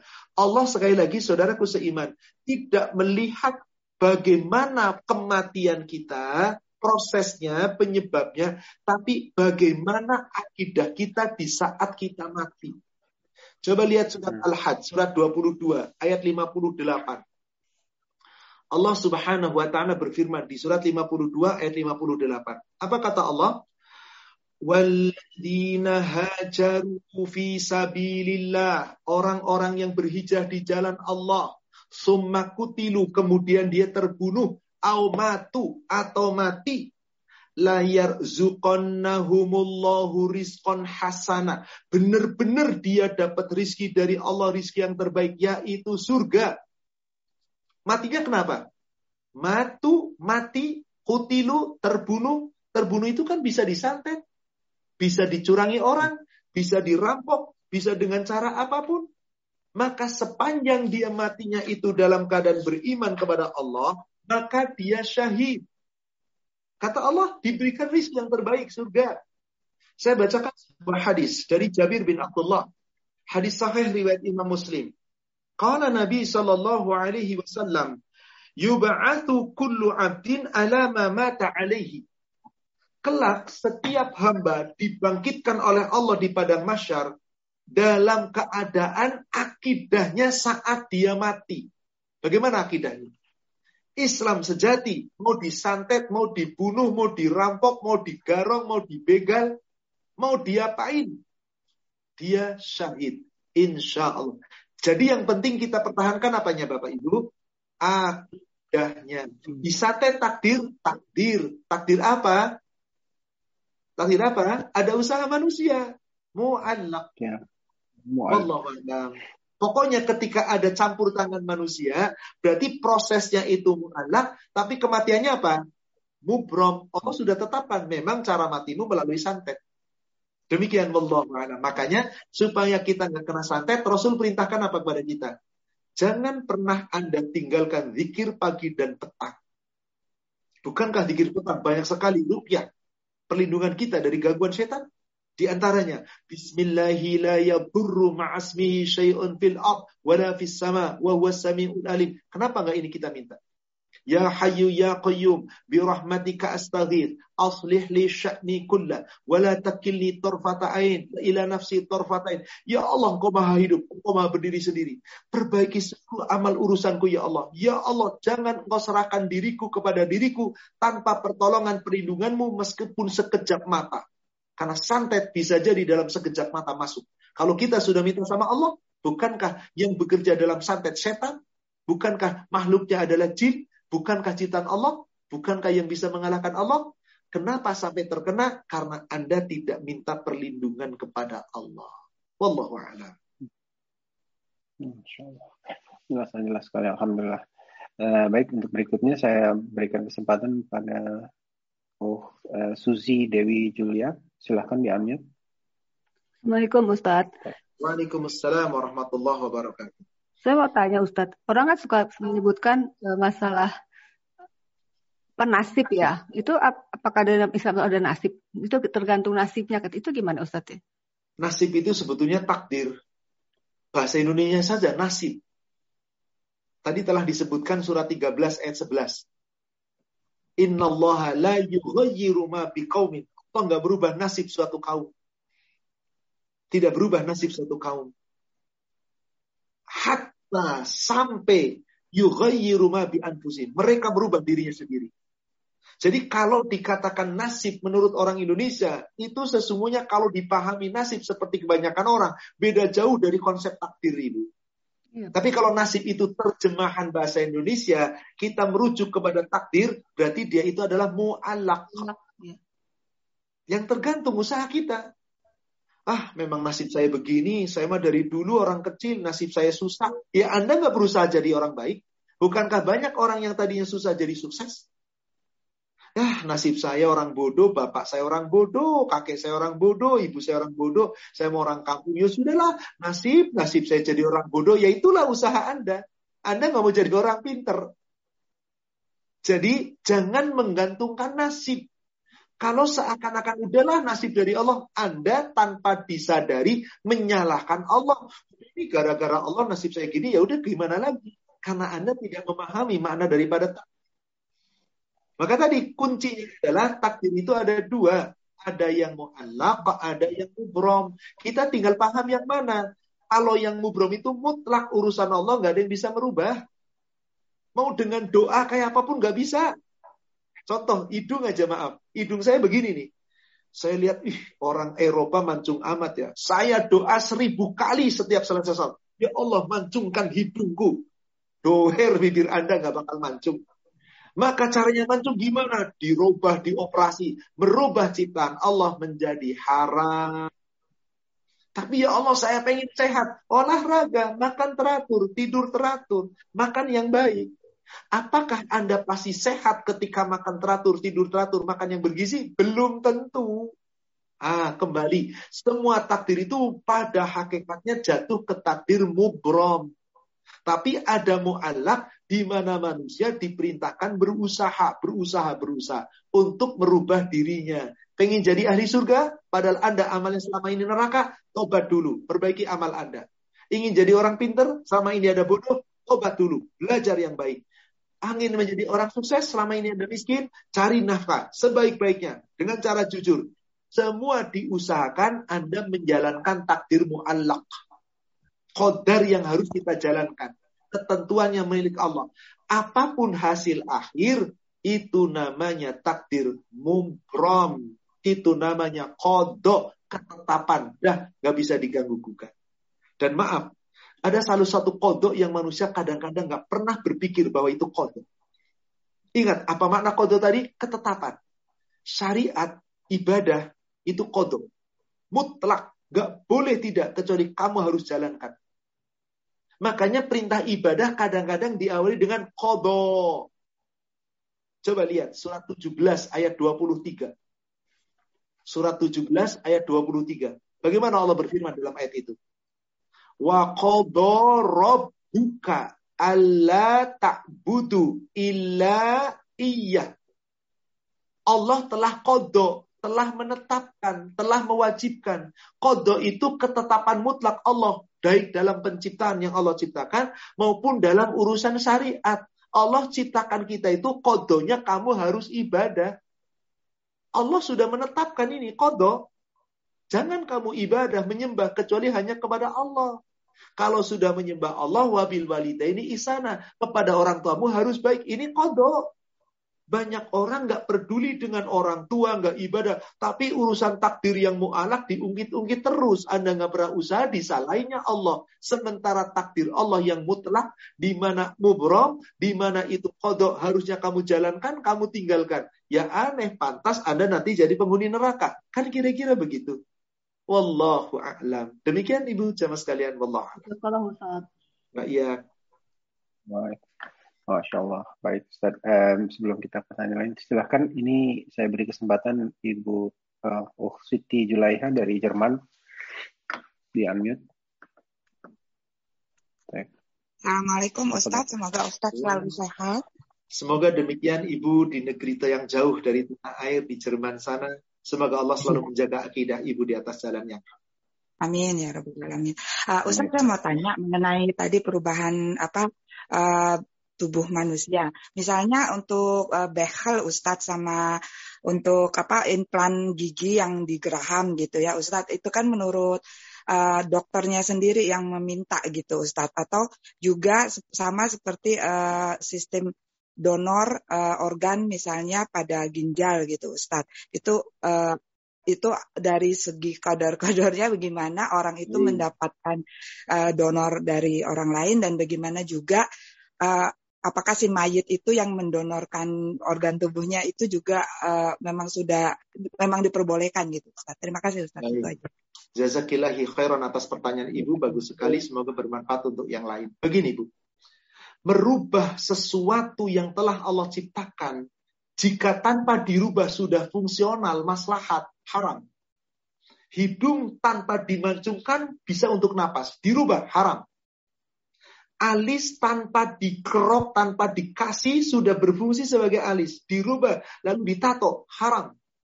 Bibir tanpa dioperasi supaya tipis, supaya keren, supaya macam-macam. Dioperasi, dirubah, haram. Merubah ciptaan Allah yang sudah fungsional, lalu hmm. hanya mengikuti hawa nafsu. Maaf, Orang merubah ukuran payudara kan biar tampak seksi. Orang bisa merubah bibir biar kelihatan lebih cantik. Merubah hidung biar kelihatan mancung. Berarti sudah fungsional kok Anda robah. Berarti Anda mengutak atik ciptaan Allah haram.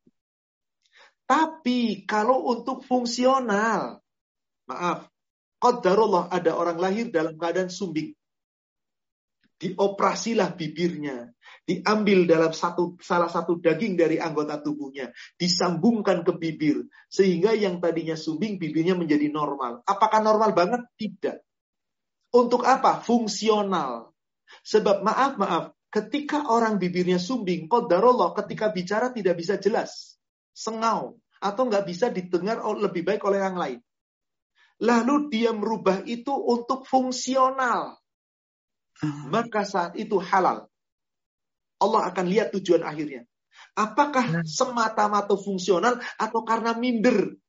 Kalau karena minder sudah ada urusan lain ini. Berarti dia malu sama manusia. Tapi kalau fungsional, Allah tahu isi hatinya. Ketika sudah fungsional, saya juga tampilnya lebih percaya diri, halal. Tapi saya mau proyek, kenapa? Saya malu, sumbing. Saya biar nggak sumbing lah, jadi nggak malu. Berarti Anda nggak terima ciptaan Allah. Bukan tujuan utamanya fungsional, tapi Anda malunya lebih dulu hati nanti yang berbicara. Hmm. Seperti mata. Orang buta didonorkan mata, halal. Orang punya ginjal gagal, rusak, didonorkan ginjal, halal. Donor darah, halal. Merubah fungsional halal. Ibu punya gigi, giginya retak, giginya rusak, geraham. Kalau dibiarkan malah madorot. Kalau dicabut nanti tidak ada geraham, nggak bisa ngunyah. Diimplan, ditanam gigi yang menetap. Halal. Ibu pasang behel. Tujuan behel itu untuk supaya gigi itu rapi. Dan betul-betul fungsinya tidak sampai mengganggu saraf-saraf. Halal. Zaman dahulu orang be pakai begel itu minder. Zaman sekarang pakai begel jadi pamer. Sudah begitu bagel harganya ratusan juta. Pakai intan, pakai per... Nah ini fungsionalnya di mana? Jadi di saat memakai itu yang ditanya oleh Allah, apa tujuan Anda pakai behel? Biar kalau senyum kelihatan indah. Nah, riak di situ Anda. Hadis sahih riwayat Imam Abu Daud dan Imam Nasai. Dari Mahmud bin Lagi Rasulullah SAW bersabda, Inna akhofu ma akhwafa ilaikum asyirkul asghar. Sesungguhnya yang paling aku takutkan terhadap kalian, hai umatku, syirik yang kecil. Mahua ya Rasulullah. Syirik kecil itu apa ya Rasulullah? Arya. Ria, pengen dapat pujian manusia. Maka hakikatnya pakai bagel itu halal bu, untuk kebaikan. Implan gigi halal untuk kebaikan. Tapi ketika tujuannya sudah aksesoris, tampil hmm. supaya kelihatan indah, ah, yang dipertanyakan bukan Anda pasang giginya, pasang begelnya. Apa tujuan Anda memasang itu semua? Bukankah begel sekarang ratusan juta, Bu? Karena dikasih, ngapain dikasih berlian? Memangnya kalau dikasih berlian ketika ngunyah jadi lebih lancar? Satu alasannya, biar orang lain lihat saya lebih keren. Gigi pakai gigi biasa aja. Kenapa mesti pakai emas? Sedangkan laki-laki nggak boleh pakai emas, perempuan boleh pakai emas. Tapi emas itu punya per, untuk perhiasan, bukan untuk gigi. Kenapa ditaruh di gigi? Fungsionalnya apa coba? Apa dengan pakai gigi kemas kemudian segala makanan dikunyah lalu nilai gizinya lebih bagus? Tidak. Nah, di situ sudah hawa nafsu. Maka dipertanggungjawabkan oleh Allah tentang hawa nafsunya tadi. Demikian Ibu. Hakikatnya ya. intinya apa? Semua yang didonorkan tadi sepanjang ya. tidak ada urusan bisnis dunia ya Bu ya. Iya. Atau ada seorang kakak gagal ginjal, adiknya sehat hmm. mendonorkan ginjal. Semua dokter sepakat satu ginjal itu cukup asal dijaga. Maka halal. Insya Allah halal. Donor apa organ. Orang yang mati didonor tanpa ada urusan jual beli. Kalau sudah jual beli, menjual beli. Makhluk Allah ini haram. Tubuh ini ah. makhluk. Jangan diperjualbelikan. Bagaimana donor-donor orang jatuh menuju ke Amerika, menuju ke ke Rusia, ke mana pun, ke Cina. Lalu donor ginjal di sana dibeli dari orang yang masih miskin, dibeli sekian juta, sekian ribu dolar dan seterusnya, lalu dipatok. Maka cangkok ginjalnya halal untuk fungsional. Tapi sumber dari jual belinya haram. Demikian ini. Jadi dilihat keadaan. Tidak mungkin menjadi haram total. Kalau untuk kesehatan, insya Allah mubah. Bisa halal, bisa haram. Dilihat nanti tujuan hatimu apa. Bukankah ria itu sangat tersembunyi? Wallahualam. Demikian Ibu. Jazakallah khair, Ustaz. Iya. Masya Allah. Eh, apa ini kelihatannya pertanyaan sudah banyak. Eh, saya coba masuk ke penitip pertanyaan. Setelah Assalamualaikum Ustaz. Jika ada yang meninggal, lalu jika ada yang meninggal, lalu ada yang berkata, saya bersaksi Fulan adalah orang baik dengan tujuan untuk memberikan contoh pada yang masih hidup untuk terus berbuat baik. Apakah ini boleh dan tidak mendahului ketetapan Allah Subhanahu wa taala? Apakah orang tersebut itu baik atau tidak? Hadis sahih riwayat Imam Bukhari dari Abu Hurairah ketika ada seorang sahabat meninggal. Dia katakan, aku bersaksi bahwa dia orang baik. Kenapa kamu katakan seperti itu? Kenapa kamu mendahului Allah? Cukuplah Allah yang menilai si orang baik atau orang buruk. Siapa yang mengatakan dia orang baik padahal dia bukan orang baik, ucapannya dipertanggungjawab. Siapa yang mengatakan dia orang jahat padahal dia bukan orang jahat, ucapannya dipertanggungjawabkan. Lalu bagaimana ya Rasulullah? Jangan kamu katakan bahwa dia orang baik. Tapi katakanlah, semoga dia orang baik. Insya Allah. Allah menjadi saksi. Semoga Allah nyatakan dia orang yang baik. Jangan langsung katakan dia orang baik. Maaf, ada hadis tapi disalahgunakan. Barang siapa seorang muslim yang mati dipersaksikan muslim yang lain bahwa dia orang yang baik, maka Allah nyatakan dia sebagai orang baik. Tunggu dulu muslim yang menyaksikan siapa, yang disaksikan siapa. Saat itu Rasulullah ketika kehilangan sahabat, sahabat Rasul jelas orang baik. Yang bersaksi sahabat-sahabat yang hidup bareng, yang tahu persis ibadahnya, akidahnya, dia orang baik. Maka di saat sahabat mengatakan, Ya Rasulullah, si fulan orang baik insya Allah. Maka Rasul mengatakan, siapa yang bersaksi bahwasanya si fulan orang baik, dan memang fulan itu orang baik, maka Allah dan malaikatnya akan mengatakan dia orang baik. Tapi kasus yang pertama tadi, ada orang meninggal, saya bersaksi bahwa dia orang baik. Padahal dia nggak tahu siapa dia. Kan sering di negara kita, Pak. Saya pernah mengalami beberapa kali Suatu ketika saya mengimami sholat. Karena jadi khutbah Jumat. Kemudian sholat Jumat di sebuah masjid. Tiba-tiba didatangkan jenazah. Sebelumnya sudah dikatakan, Pak Ustadz, Afan, tolong kiranya Pak Ustadz bisa memimpin kami sholat jenazah. Boleh?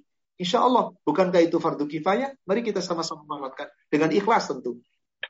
Tiba-tiba ada pemimpin, apa namanya, orang yang menyambut mengatakan, para jamaah sekalian, Siapa yang disaksikan oleh seorang muslim bahwa dia baik, maka dia akan orang baik. Mari kita saksikan. Dia ini adalah orang baik. Kita saksikan saudara khair, khair. Nah yang makmum itu datang dari mana? Kenal fulan aja enggak kok. Kenapa Anda ngomong dia orang baik? Anda nggak tahu siapa dia. Maka boleh kita mengatakan orang baik kalau memang kita tahu kesehariannya dia, ibadahnya dia, amalnya dia. Tapi Ustaz kan kita nggak boleh seuzon. Kalau kita ngomong orang jahat, jangan ngomong orang jahat. Tapi ngomong orang baik, kita nggak tahu dia baik atau tidak. Gimana dong? Insya Allah, semoga dia orang yang baik. Ya Allah, seandainya dia orang baik, engkau akan membalas dengan kebaikan. Makanya lebih baik doa. Allahumma firlahu warhamhu wa'afihi wa'fu anhu wa akrim nuzulahu wa wasi' madghalahu wa ghsilhu wal dan seterusnya. Bukankah itu yang lebih baik daripada mempersaksikan yang kamu belum tahu kebenarannya? Inilah. Maaf, bukan tidak boleh kita bersaksi bahwa dia orang baik. Jika kita tahu persis dia orang baik, katakan dia orang baik. Kita nggak tahu, kita nggak kenal. Masa iya kita katakan dia orang baik? Kita nggak tahu. Tapi dia orang muslim, semoga orang yang baik. Amin. Insya Allah, semoga dia orang yang baik di sisi Allah. Beres.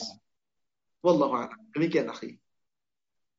Baik, alhamdulillah. Semoga menjawab pertanyaan penanya. Baik, saya berikutnya saya persilahkan eh, Eva Saifuddin, silahkan diambil mikrofonnya, langsung pertanyaan. Silahkan Eva Saifuddin. Assalamualaikum warahmatullahi wabarakatuh. Terima kasih admin. Assalamualaikum. Izin bertanya Ustaz, Silakan. Ini saya ingin lebih memahami takdir mu'alak dan mubram. Uh, kasusnya adalah istri saya sakit karena uh, katakanlah salah kejepit terus ada ditanam ditanam pen dari sisi sakitnya itu saya ingin berusaha kesembuhan tapi di sisi takdir mubromnya apakah itu menanam pen dengan mengikuti anjuran dokter itu saya sudah uh, melanggar mubrom itu Pak Ustadz. Terima kasih. Baik. Setiap penyakit pasti ada obatnya. Likulindain dawa. Setiap penyakit ada obatnya. Jika obatnya itu cocok, pasti sembuh. Terkadang obat itu tidak sesuatu yang dimakan, tidak sesuatu yang dikonsumsi, tetapi sesuatu yang dibaca. Ayat kursi, al-ikhlas, al-falak. Kita mohon kepada Allah dan minta sama Allah. Bahkan Rasulullah pernah mengobati dengan cara apa? Setelah merukyah, beliau jilat dengan ludah, tempelkan di tanah, turbatu ardina. Dengan sebagian tanah kami ini, dengan ludah kami ditempelkan, lalu minta kepada Allah, sembuhkan. Atas izin Allah bisa sembuh. Cuman bagi kita kadang-kadang keyakinan itu sangat-sangat minim. Oke, kita lupakan itu. Padahal itu cara pengobatan yang paling utama. Rukyah. Jangan ke mana-mana dulu, rukyah. Karena kita bersandar kita kepada Allah. Ida sa'ala fas'alillah. Wa ida sta'anta fasta'in billah. Jika kamu minta, mintalah sama Allah. Jika minta pertolongan, mintalah tolong sama Allah. Ini nasihat Rasul kepada Abdullah bin Abbas. Hadis sahih riwayat Imam At-Tirmidzi. Baik, bagaimana ketika menanam fen? Contoh tulang patah ditanam fen. Pinggulnya sudah bengkok ditanam fen. Atau macam-macam fen. yakni suatu apa namanya alat di mana untuk menyangga supaya tulang itu tidak bergerak lagi maka itu kemaslahatan. Apakah merubah takdir mubrom? Tidak. Ini termasuk apa? Mu'allaq. Kesembuhan saraf kejepit silakan usah. Banyak olahraga, misalkan dengan renang, gerak-gerak badan terus, di, ter, di renggangan dan seterusnya. Kemudian yang teratur, pola tidurnya, posisinya, dan seterusnya diatur. Itu kan salah satu usaha. Dokter mengatakan, ini sudah parah dengan usia sekian, harus ditanam pen untuk lebih amannya lagi. Maka dioperasi ditanam pen, gak ada masalah. Ini bagian daripada kemaslahatan insya Allah. Tapi jika tawakal Allah itu lebih baik Cuman tingkat tawakal kita kan kadang-kadang berkurang. Masalahnya apa? Ketika saraf kejepit kita tidak coba untuk dicari jalan keluar, meminimali sakitnya, ini nggak nyaman. Sedikit aja deh, saraf kejepit di bagian punggung. Ketika mungkin salah tidur atau gerakan yang terlalu atau beban berat. Allah war duduk kelamaan susah. Akhirnya sholat berdiri lama nggak bisa khusyuk. Duduk atas sahut nggak bisa khusyuk. Akhirnya ibadahnya tidak maksimal. Supaya saya ibadah maksimal, saya ingin pasang pen ya Allah. Aku tidak merubah takdirmu ya Allah. Tetapi aku berusaha untuk lebih sehat ya Allah. Semoga ini bagian takdirmu Allah yang telah kau tetapkan kepadaku ya Allah. Jika engkau kesembuhkan, sembuhkanlah dengan penyakit ini dengan kesembuhan yang sempurna. Jika engkau menghendaki ini belum sembuh ya Allah, jadikan menjadi penggugur atas kesalahan dan dosa-dosaku. Dan jadikan dengan usaha ini ibadahku lebih baik. Allah tahu tujuan Anda untuk ibadah. Maka masang fan, gak masalah. Insya Allah sabi seperti behel dan seterusnya, cangkok ginjal dan seterusnya, dan seterusnya. Insya Allah asal tujuan utamanya kemaslahatan dalam rangka untuk ibadah. Insya Allah. Dan perlu diyakini, semua ujian sakit apa pun, dari yang paling kecil sampai yang paling berat, ini tidak akan terjadi kecuali mubrom, takdir Allah mutlak. Coba lihat surat 9 Bapak Ibu surat At-Taubah ayat 51. Allah Subhanahu wa taala turunkan ayat ini ketika para sahabat terkena suatu bencana besar, wabah dan seterusnya. Maka dikatakan kepada Rasul, "Qul Muhammad katakan kepada sahabatku, la yusibana illa ma kataballahu lana." Tidak pernah akan menimpa bencana itu kepada kami nggak menimpa musibah sekecil apa pun sampai seberat apa pun kepada kami illa ma kataballahu lana kecuali takdir mubrom yang sudah Allah tetapkan bagi kami sejak Allah belum ciptakan kita. Sudah. Yang paling penting yakini huwa maulana. Apa pun bencana, musibah, sakit dan seterusnya yang menimpa kami, dialah Allah penolong kami, dialah Allah pelindung kami. Dan kuncinya setelah kita usaha-usaha, ternyata kok belum berhasil. Wa falyatawakkalil mu'minun. Jadi manusia menjalankan takdirmu Allah. Mu'allaq. Apa pun yang terjadi itu takdirmu Bram. Saat takdirmu Bram sudah ditetapkan Allah. Usaha kita kok belum berhasil juga. Kembalikan ini takdirmu Bram. Tawakal kepada Allah. Ini jalan terakhir kita. Tawakal. Insya Allah. Wallah alam. Demikian. Semoga membantu menjawab pertanyaan penanya. Baik, saya persilahkan lagi. Um, oh, uh, Arfiata Lubis, silahkan di unmute. Assalamualaikum warahmatullahi wabarakatuh, Ustaz. Waalaikumsalam warahmatullahi wabarakatuh. Iya. Sebelumnya, suami, sebelum suami saya menjadi mualaf, suami saya sering mengunjungi keluarga muslim yang selalu mengajak suami saya kadang makan siang ataupun makan malam. Nah, salah satu keluarga ini adalah pasien suami saya. Selama hidup, uh, suami saya juga sering menolong keluarga ini dari sudut kesehatan ataupun memecahkan masalah yang dialami oleh keluarga ini. Setelah suami saya meninggal, tepatnya satu bulan setelah suami saya meninggal, suatu saat mereka uh, mengungkit sambil menunjuk menunjuk ke arah muka saya dengan jari telunjuknya. Dia bilang bahwa kamu sadar gak suami kamu dulu banyak makan di rumah kami dan keluar dan suami kamu itu banyak menghabiskan beras kami mendengarkan hal ini itu sangat sedih dan dia sering berkata buruk mengenai suami saya sudah tiada. Uh, apa yang saya harus lakukan, Ustaz? Apakah saya harus menebus biaya makan suami saya ini supaya tidak ada lagi mengungkit? Dan sebenarnya sebelumnya mereka itu pernah memiliki hutang yang cukup besar, tapi saya ikhlaskan. Saya bilang nggak perlu bayar hutang ini, karena saya sebagai ahli waris sudah mengikhlaskan uh, utang tersebut. Apa yang sebaiknya saya lakukan sebagai Baik, umat muslim Ibu. untuk meringankan? Baik Ibu. Semoga Allah memberikan kekuatan, ketawakalan, dan kesabaran kepada ibu atas wafatnya suami ibu dan alhamdulillah suami ibu semoga diwafatkan dalam keadaan khus telah diwafatkan dalam keadaan khus khotimah dalam keadaan telah berhijrah. Adapun masalah dengan orang lain begini. Pertama, seorang kafir yang mu'allaf memeluk Islam sesungguhnya adalah orang yang sangat beruntung. Bisa dilihat di surat 8, surat Al-Anfal ayat 38. Ketika Rasulullah berdakwah setelah Fatu Mekah kepada orang-orang kafir di Mekah, terutama paman beliau Abu Sufyan dan kawan-kawannya yang saat itu belum masuk Islam, Allah turunkan ayat ini. Qul Muhammad katakan. Lilladzina kafaru kepada orang kafir itu. Maka dalam kurung di situ Abu Sufyan dan kawan-kawannya. Kalau ibu buka mushaf Al-Quran, kata-kata kul, katakanlah lilladzina kafaru kepada orang kafir, maka terjemahnya katakanlah Muhammad kepada orang kafir. Dalam kurung Abu Sufyan dan kawan-kawannya. Karena asbabun nuzulnya adalah demikian. Ketika Allah perintahkan kepada Rasul menyampaikan kepada orang kafir. Di antaranya Abu Sufyan dan yang lain. Apa kata Allah? Kalau ayat ini dibaca sekarang berarti bukan Abu Sufyan lagi, bukan Nabi Muhammad lagi yang menyampaikan. Ayat ini kita baca untuk kita katakan kepada orang kafir dan untuk orang kafir yang mu'alaf. Apa kata Allah? Iyantahu yughfar lahu maqad salaf.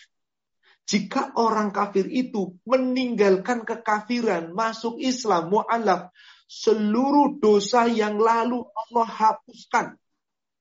Semoga Allah telah mengampuni kesalahan dan dosa-dosa ibu telah lalu. Semoga Islamnya suami ibu menjadi jalan untuk mendekatkan diri kepada Allah. Hijrah yang semoga diterima oleh Allah. Adapun masalah habluminan nas, lepas dari tadi ibu bercerita, sepanjang hidupnya dulu sering makan di rumah keluarga muslim. Ternyata keluarga muslim itu setelah itu mengungkit tidaklah pantas seorang muslim mengungkit-ungkit pemberian. Berarti maaf, muslim yang kayak gitu tidak muslim sejati. Sebab muslim sejati digambarkan oleh Allah ketika ngasih makan, lihat di surat 76, ayat ke-8 dan ayat ke-9, di situ kisah Allah, cerita Allah dari ayat 5 tentang orang-orang yang masuk surga. Diberi nikmat apa pun di sana diberikan. Kenapa kok bisa masuk surga seperti itu? Dikatakan di ayat 8-nya wa nut'imuna ta'am ala yatama wal miskin eh, hubbihi wal alal yatama wal masakin yakni mereka dulu di dunia termasuk orang yang sering memberi makan dari makanan yang dicintainya kepada anak-anak yatim, kepada orang-orang miskin, dan kepada orang-orang yang ditawan. Lalu, apa sih tujuan dia memberikan makan? ayat 9-nya. Innama nut'imukum liwajhillah. Sesungguhnya aku membantu kamu, memberi makan kamu karena Allah, mengharap ridha Allah, ingin berjumpa dengan wajah Allah. La nuridu minkum jazaan wala syukura. Aku membantu kamu, memberi makan kamu, nggak minta apa pun, nggak minta ucapan terima kasih, nggak minta balas jasa, balas budi, enggak. Ini seharusnya seorang muslim, saudaraku seiman. Qadarullah ada orang kok seperti itu kepada ibu. Ibu, jangan dendam, jangan apa pun. Maafkan, biarkanlah. Apalagi tadi ibu katakan, dia pernah punya hutang yang sangat besar. Kemudian kami ikhlaskan. Sudah, itu lebih baik karena dunia nggak akan kita bawa mati. Tapi apa yang kita sodakohkan, itu yang tumbuh subur nanti sebagai pahala di hadapan Allah. Adapun dia sering ungkit-ungkit dulu tuh suamimu begini bla bla bla bla, ibu katakan dengan rendah hati. Maaf, apa yang harus aku lakukan terhadapmu? Suamimu sudah meninggal, suamiku sudah meninggal. Tolong jangan dicaci maki lagi. Jangan diungkit-ungkit lagi. Sekiranya menginginkan balasan, berapa yang harus aku bayar untuk menebus makanan yang selama ini dimakan suamiku? Sekian euro, ibu mampu. Bismillah, bayarkan. Hati ibu tenang, suami ibu tenang. Biarlah orang itu menikmati dunia. Doakan semoga Allah berikan hidayah. Karena tidak pantas seorang muslim mengungkit-ungkit pemberian. Ingat tadi, surat 76, tolong jadi patokan ayat 8, ayat 9. Kita memberi bukan karena apa pun. Ada orang begitu, biarlah orang itu. Kita doakan yang baik. Ibu berlaku ikhlas tawakal, rendah hati ibu, insya Allah ibu akan ditinggikan oleh Allah. Maafkan mereka, insya Allah ibu akan dimuliakan oleh Allah. Sodakokan hati ibu, Allah nggak bakal berkurang hartanya. Sebab dalam hadis yang dilihatkan oleh Imam Muslim dari Abu Hurairah, Rasul bersabda begini, Mana kosot sodakotun mimalin ketika kamu bersodakoh, sodakohmu tidak pernah akan mengurangi sedikit pun harta. Wa ma zadallahu bi'afin illa izzan. Tidaklah seseorang suka memaafkan kesalahan orang lain. Melainkan Allah akan mulia. Wa ma tawaddu'a ahadukum illallah illa rafa'ahu Allah Ta'ala. Tidaklah seorang merendahkan diri karena Allah. Bukan rendah diri minder. Tapi rendahkan diri di hadapan orang karena Allah. Bahasa kitanya rendah hati illa rafa'ahu ta'ala. Allah akan tinggikan derajatnya. Biarlah ibu ditinggalkan oleh Allah meskipun dihina oleh manusia. Biarlah ibu dimuliakan oleh Allah meskipun direndahkan oleh manusia. Biarlah Allah yang akan membalas. Jika ibu mampu berkata dengan baik, berapa yang harus diganti karena Anda mengungkit-ungkit pemberian Anda kepada suami saya, bismillah semampu saya saya akan ganti, tapi tolong suami saya sudah meninggal beberapa bulan lalu. Jangan diungkit-ungkit lagi. Demikian Ibu, semoga Allah memberikan kekuatan dan kesabaran. Dan semoga suami Ibu insya Allah dilapangkan kuburnya, diterangi tempat masuknya, dan diringankan hisapnya. Dan semoga Allah pertemukan dengan Ibu nanti di dalam surga. Amin. Ya Rabbal Amin. Ya Allah. Alhamdulillah. Eh, tinggal 6 menit lagi mungkin. Baik, ini saya persilahkan Ibu Ukti Irma Ahmed dari Jerman sebagai tanya. Silakan di-unmute. Assalamualaikum warahmatullahi wabarakatuh. Waalaikumsalam warahmatullahi wabarakatuh. Ya, semoga Ustaz dan juga jamaah lainnya selalu sehat dan dapat lindungan dari Allah.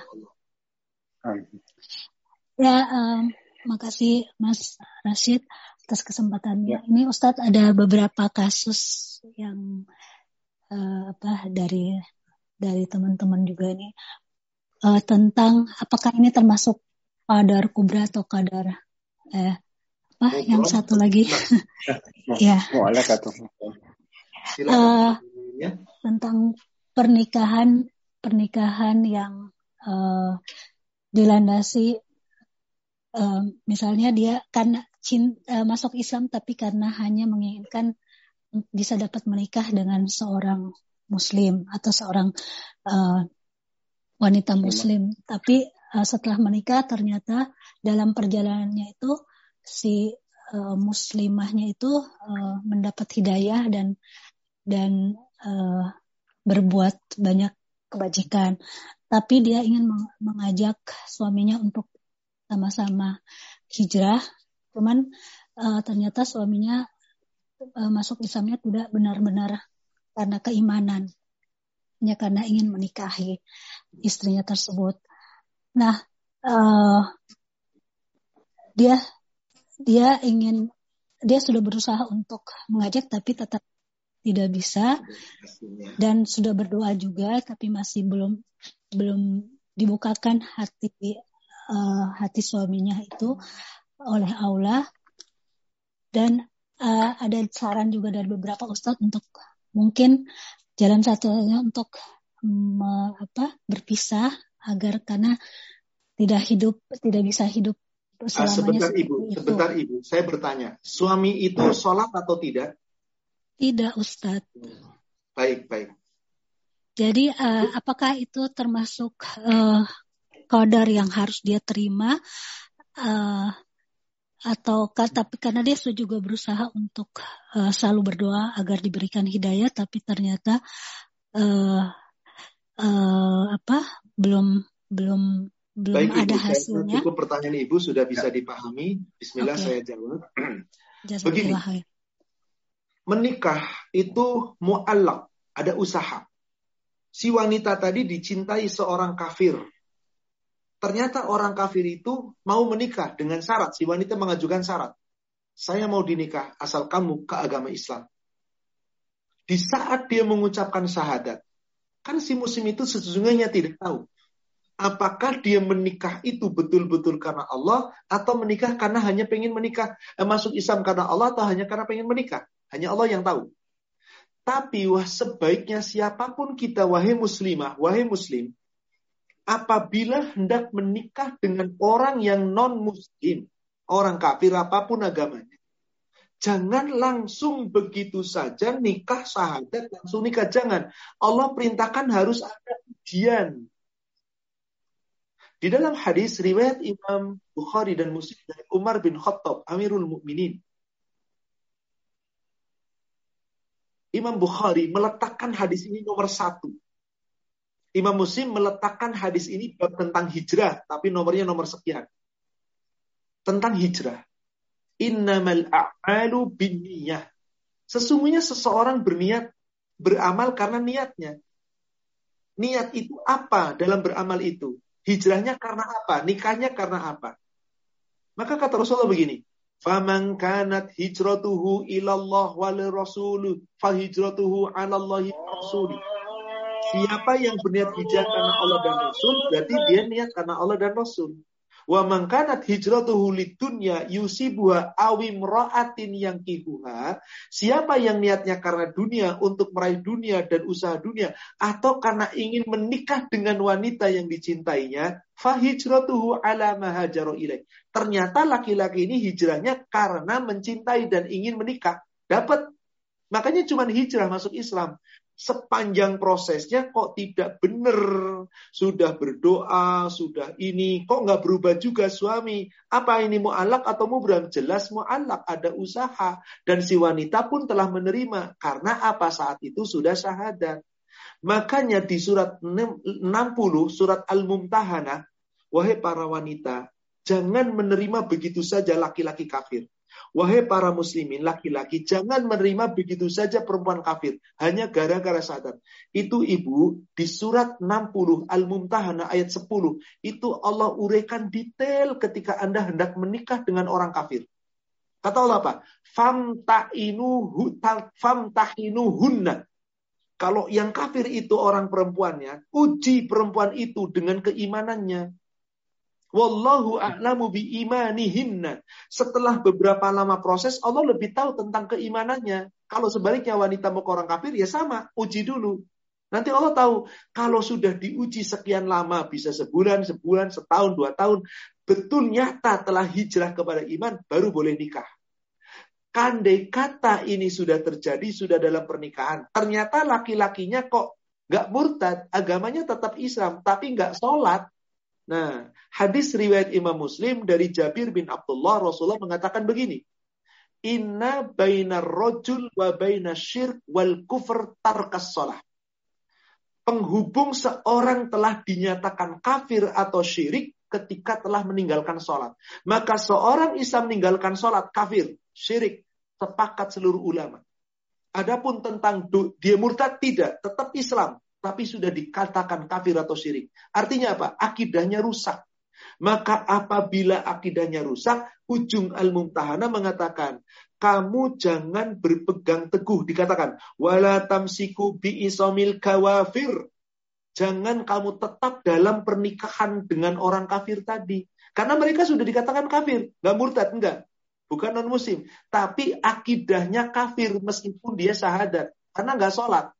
Maka kalau sudah nggak sholat, berdoa, diusahakan, enggak juga. Sedangkan istrinya sudah hijab, mau ibadah dengan baik. Maka bercerai itu satu-satunya jalan yang Allah perintahkan. Betul, beberapa ustadz yang mengatakan kepada ibu, ketika ada kasus seperti itu, bercerai itu satu-satunya jalan. Karena sudah ada usaha, itu mu'alak. Silahkan nanti ibu secara jelas baca surat Al-Mumtahana, surat 60 ayat 10. Allah perintahkan, jangan tetap berpegang pada pernikahan dengan orang-orang kafir. Sampai Allah katakan begini, was'aluma anfaktum. Jika kamu seorang laki-laki telah memberikan harta yang banyak kepada wanita, kembali wanita itu tapi tidak mau Islam, minta kembali hartanya. Jika orang perempuan telah diberi nakah, telah diberi mahar, diberi hadiah, satu miliar dikasih. Dua miliar, satu triliun dikasih. Ternyata suaminya kok seperti itu. Balikin itu satu triliun. Gak ada nilainya harta itu. Akidah lebih utama. Demikian. Wallahu a'lam. Sepertinya Masya sudah jam 10 ya, akhi ya. Sudah cukup Iya, Ustaz. Baru mau saya. Iya. Kita jumpa. Ya, mungkin nah. insya Allah semoga inilah saatnya kita berpisah karena waktu juga dan mungkin di sana sudah kedengaran asar ya, akhi ya. Nah, di sini sudah ah, ya, Insya Allah mudah-mudahan pertemuan ini membawa manfaat dan hikmah. Semoga Allah mempertemukan kembali di pertemuan yang lain dengan kajian yang lain. Amin. Tentu saja dalam kajian Amin. ini yang benar adalah dari Allah dan dari Rasulnya. Yang salah saya yang menyampaikan yang penuh kekurangan. Tentu kita semua yang penuh kekhilafan. Semoga Allah memaafkan dan mengampuni dosa kita. Saya berdoa Amin. kepada seluruh jamaah paduka dan dari mana pun yang ikut kajian kita, semoga Allah berikan hidayah dan kokoh di atas iman dan takwa, istiqomah dalam amal ibadah. Sampai Allah mematkan kita, semoga dalam keadaan husnul khatimah. Amin ya rabbal alamin. Mari kita tutup dengan doa kafaratul majlis. Subhanaka Allahumma wa bihamdika ashhadu an la ilaha illa anta astaghfiruka wa atubu ilaih. Alhamdulillah billahi taufik. Assalamualaikum warahmatullahi wabarakatuh. Waalaikumsalam warahmatullahi wabarakatuh. Ustaz, Masya Allah. Jazakallah khair Ustaz. Ini Jazakallahu khairan untuk semuanya. Khairan. Baik. Oh, iya. Insya Allah ya, kita bertemu lagi di. Insya Allah. Allah. Eh, ya, tafadol. Baik, kita tutup aja. Kami dari panitia, dari pengurus, mohon maaf jika ada kekurangan dan kesalahan dalam bersikap atau kata-kata. Barakallahu fikum, wabillahi taufiq wa hidayah. Wassalamualaikum warahmatullahi wabarakatuh. Waalaikumsalam.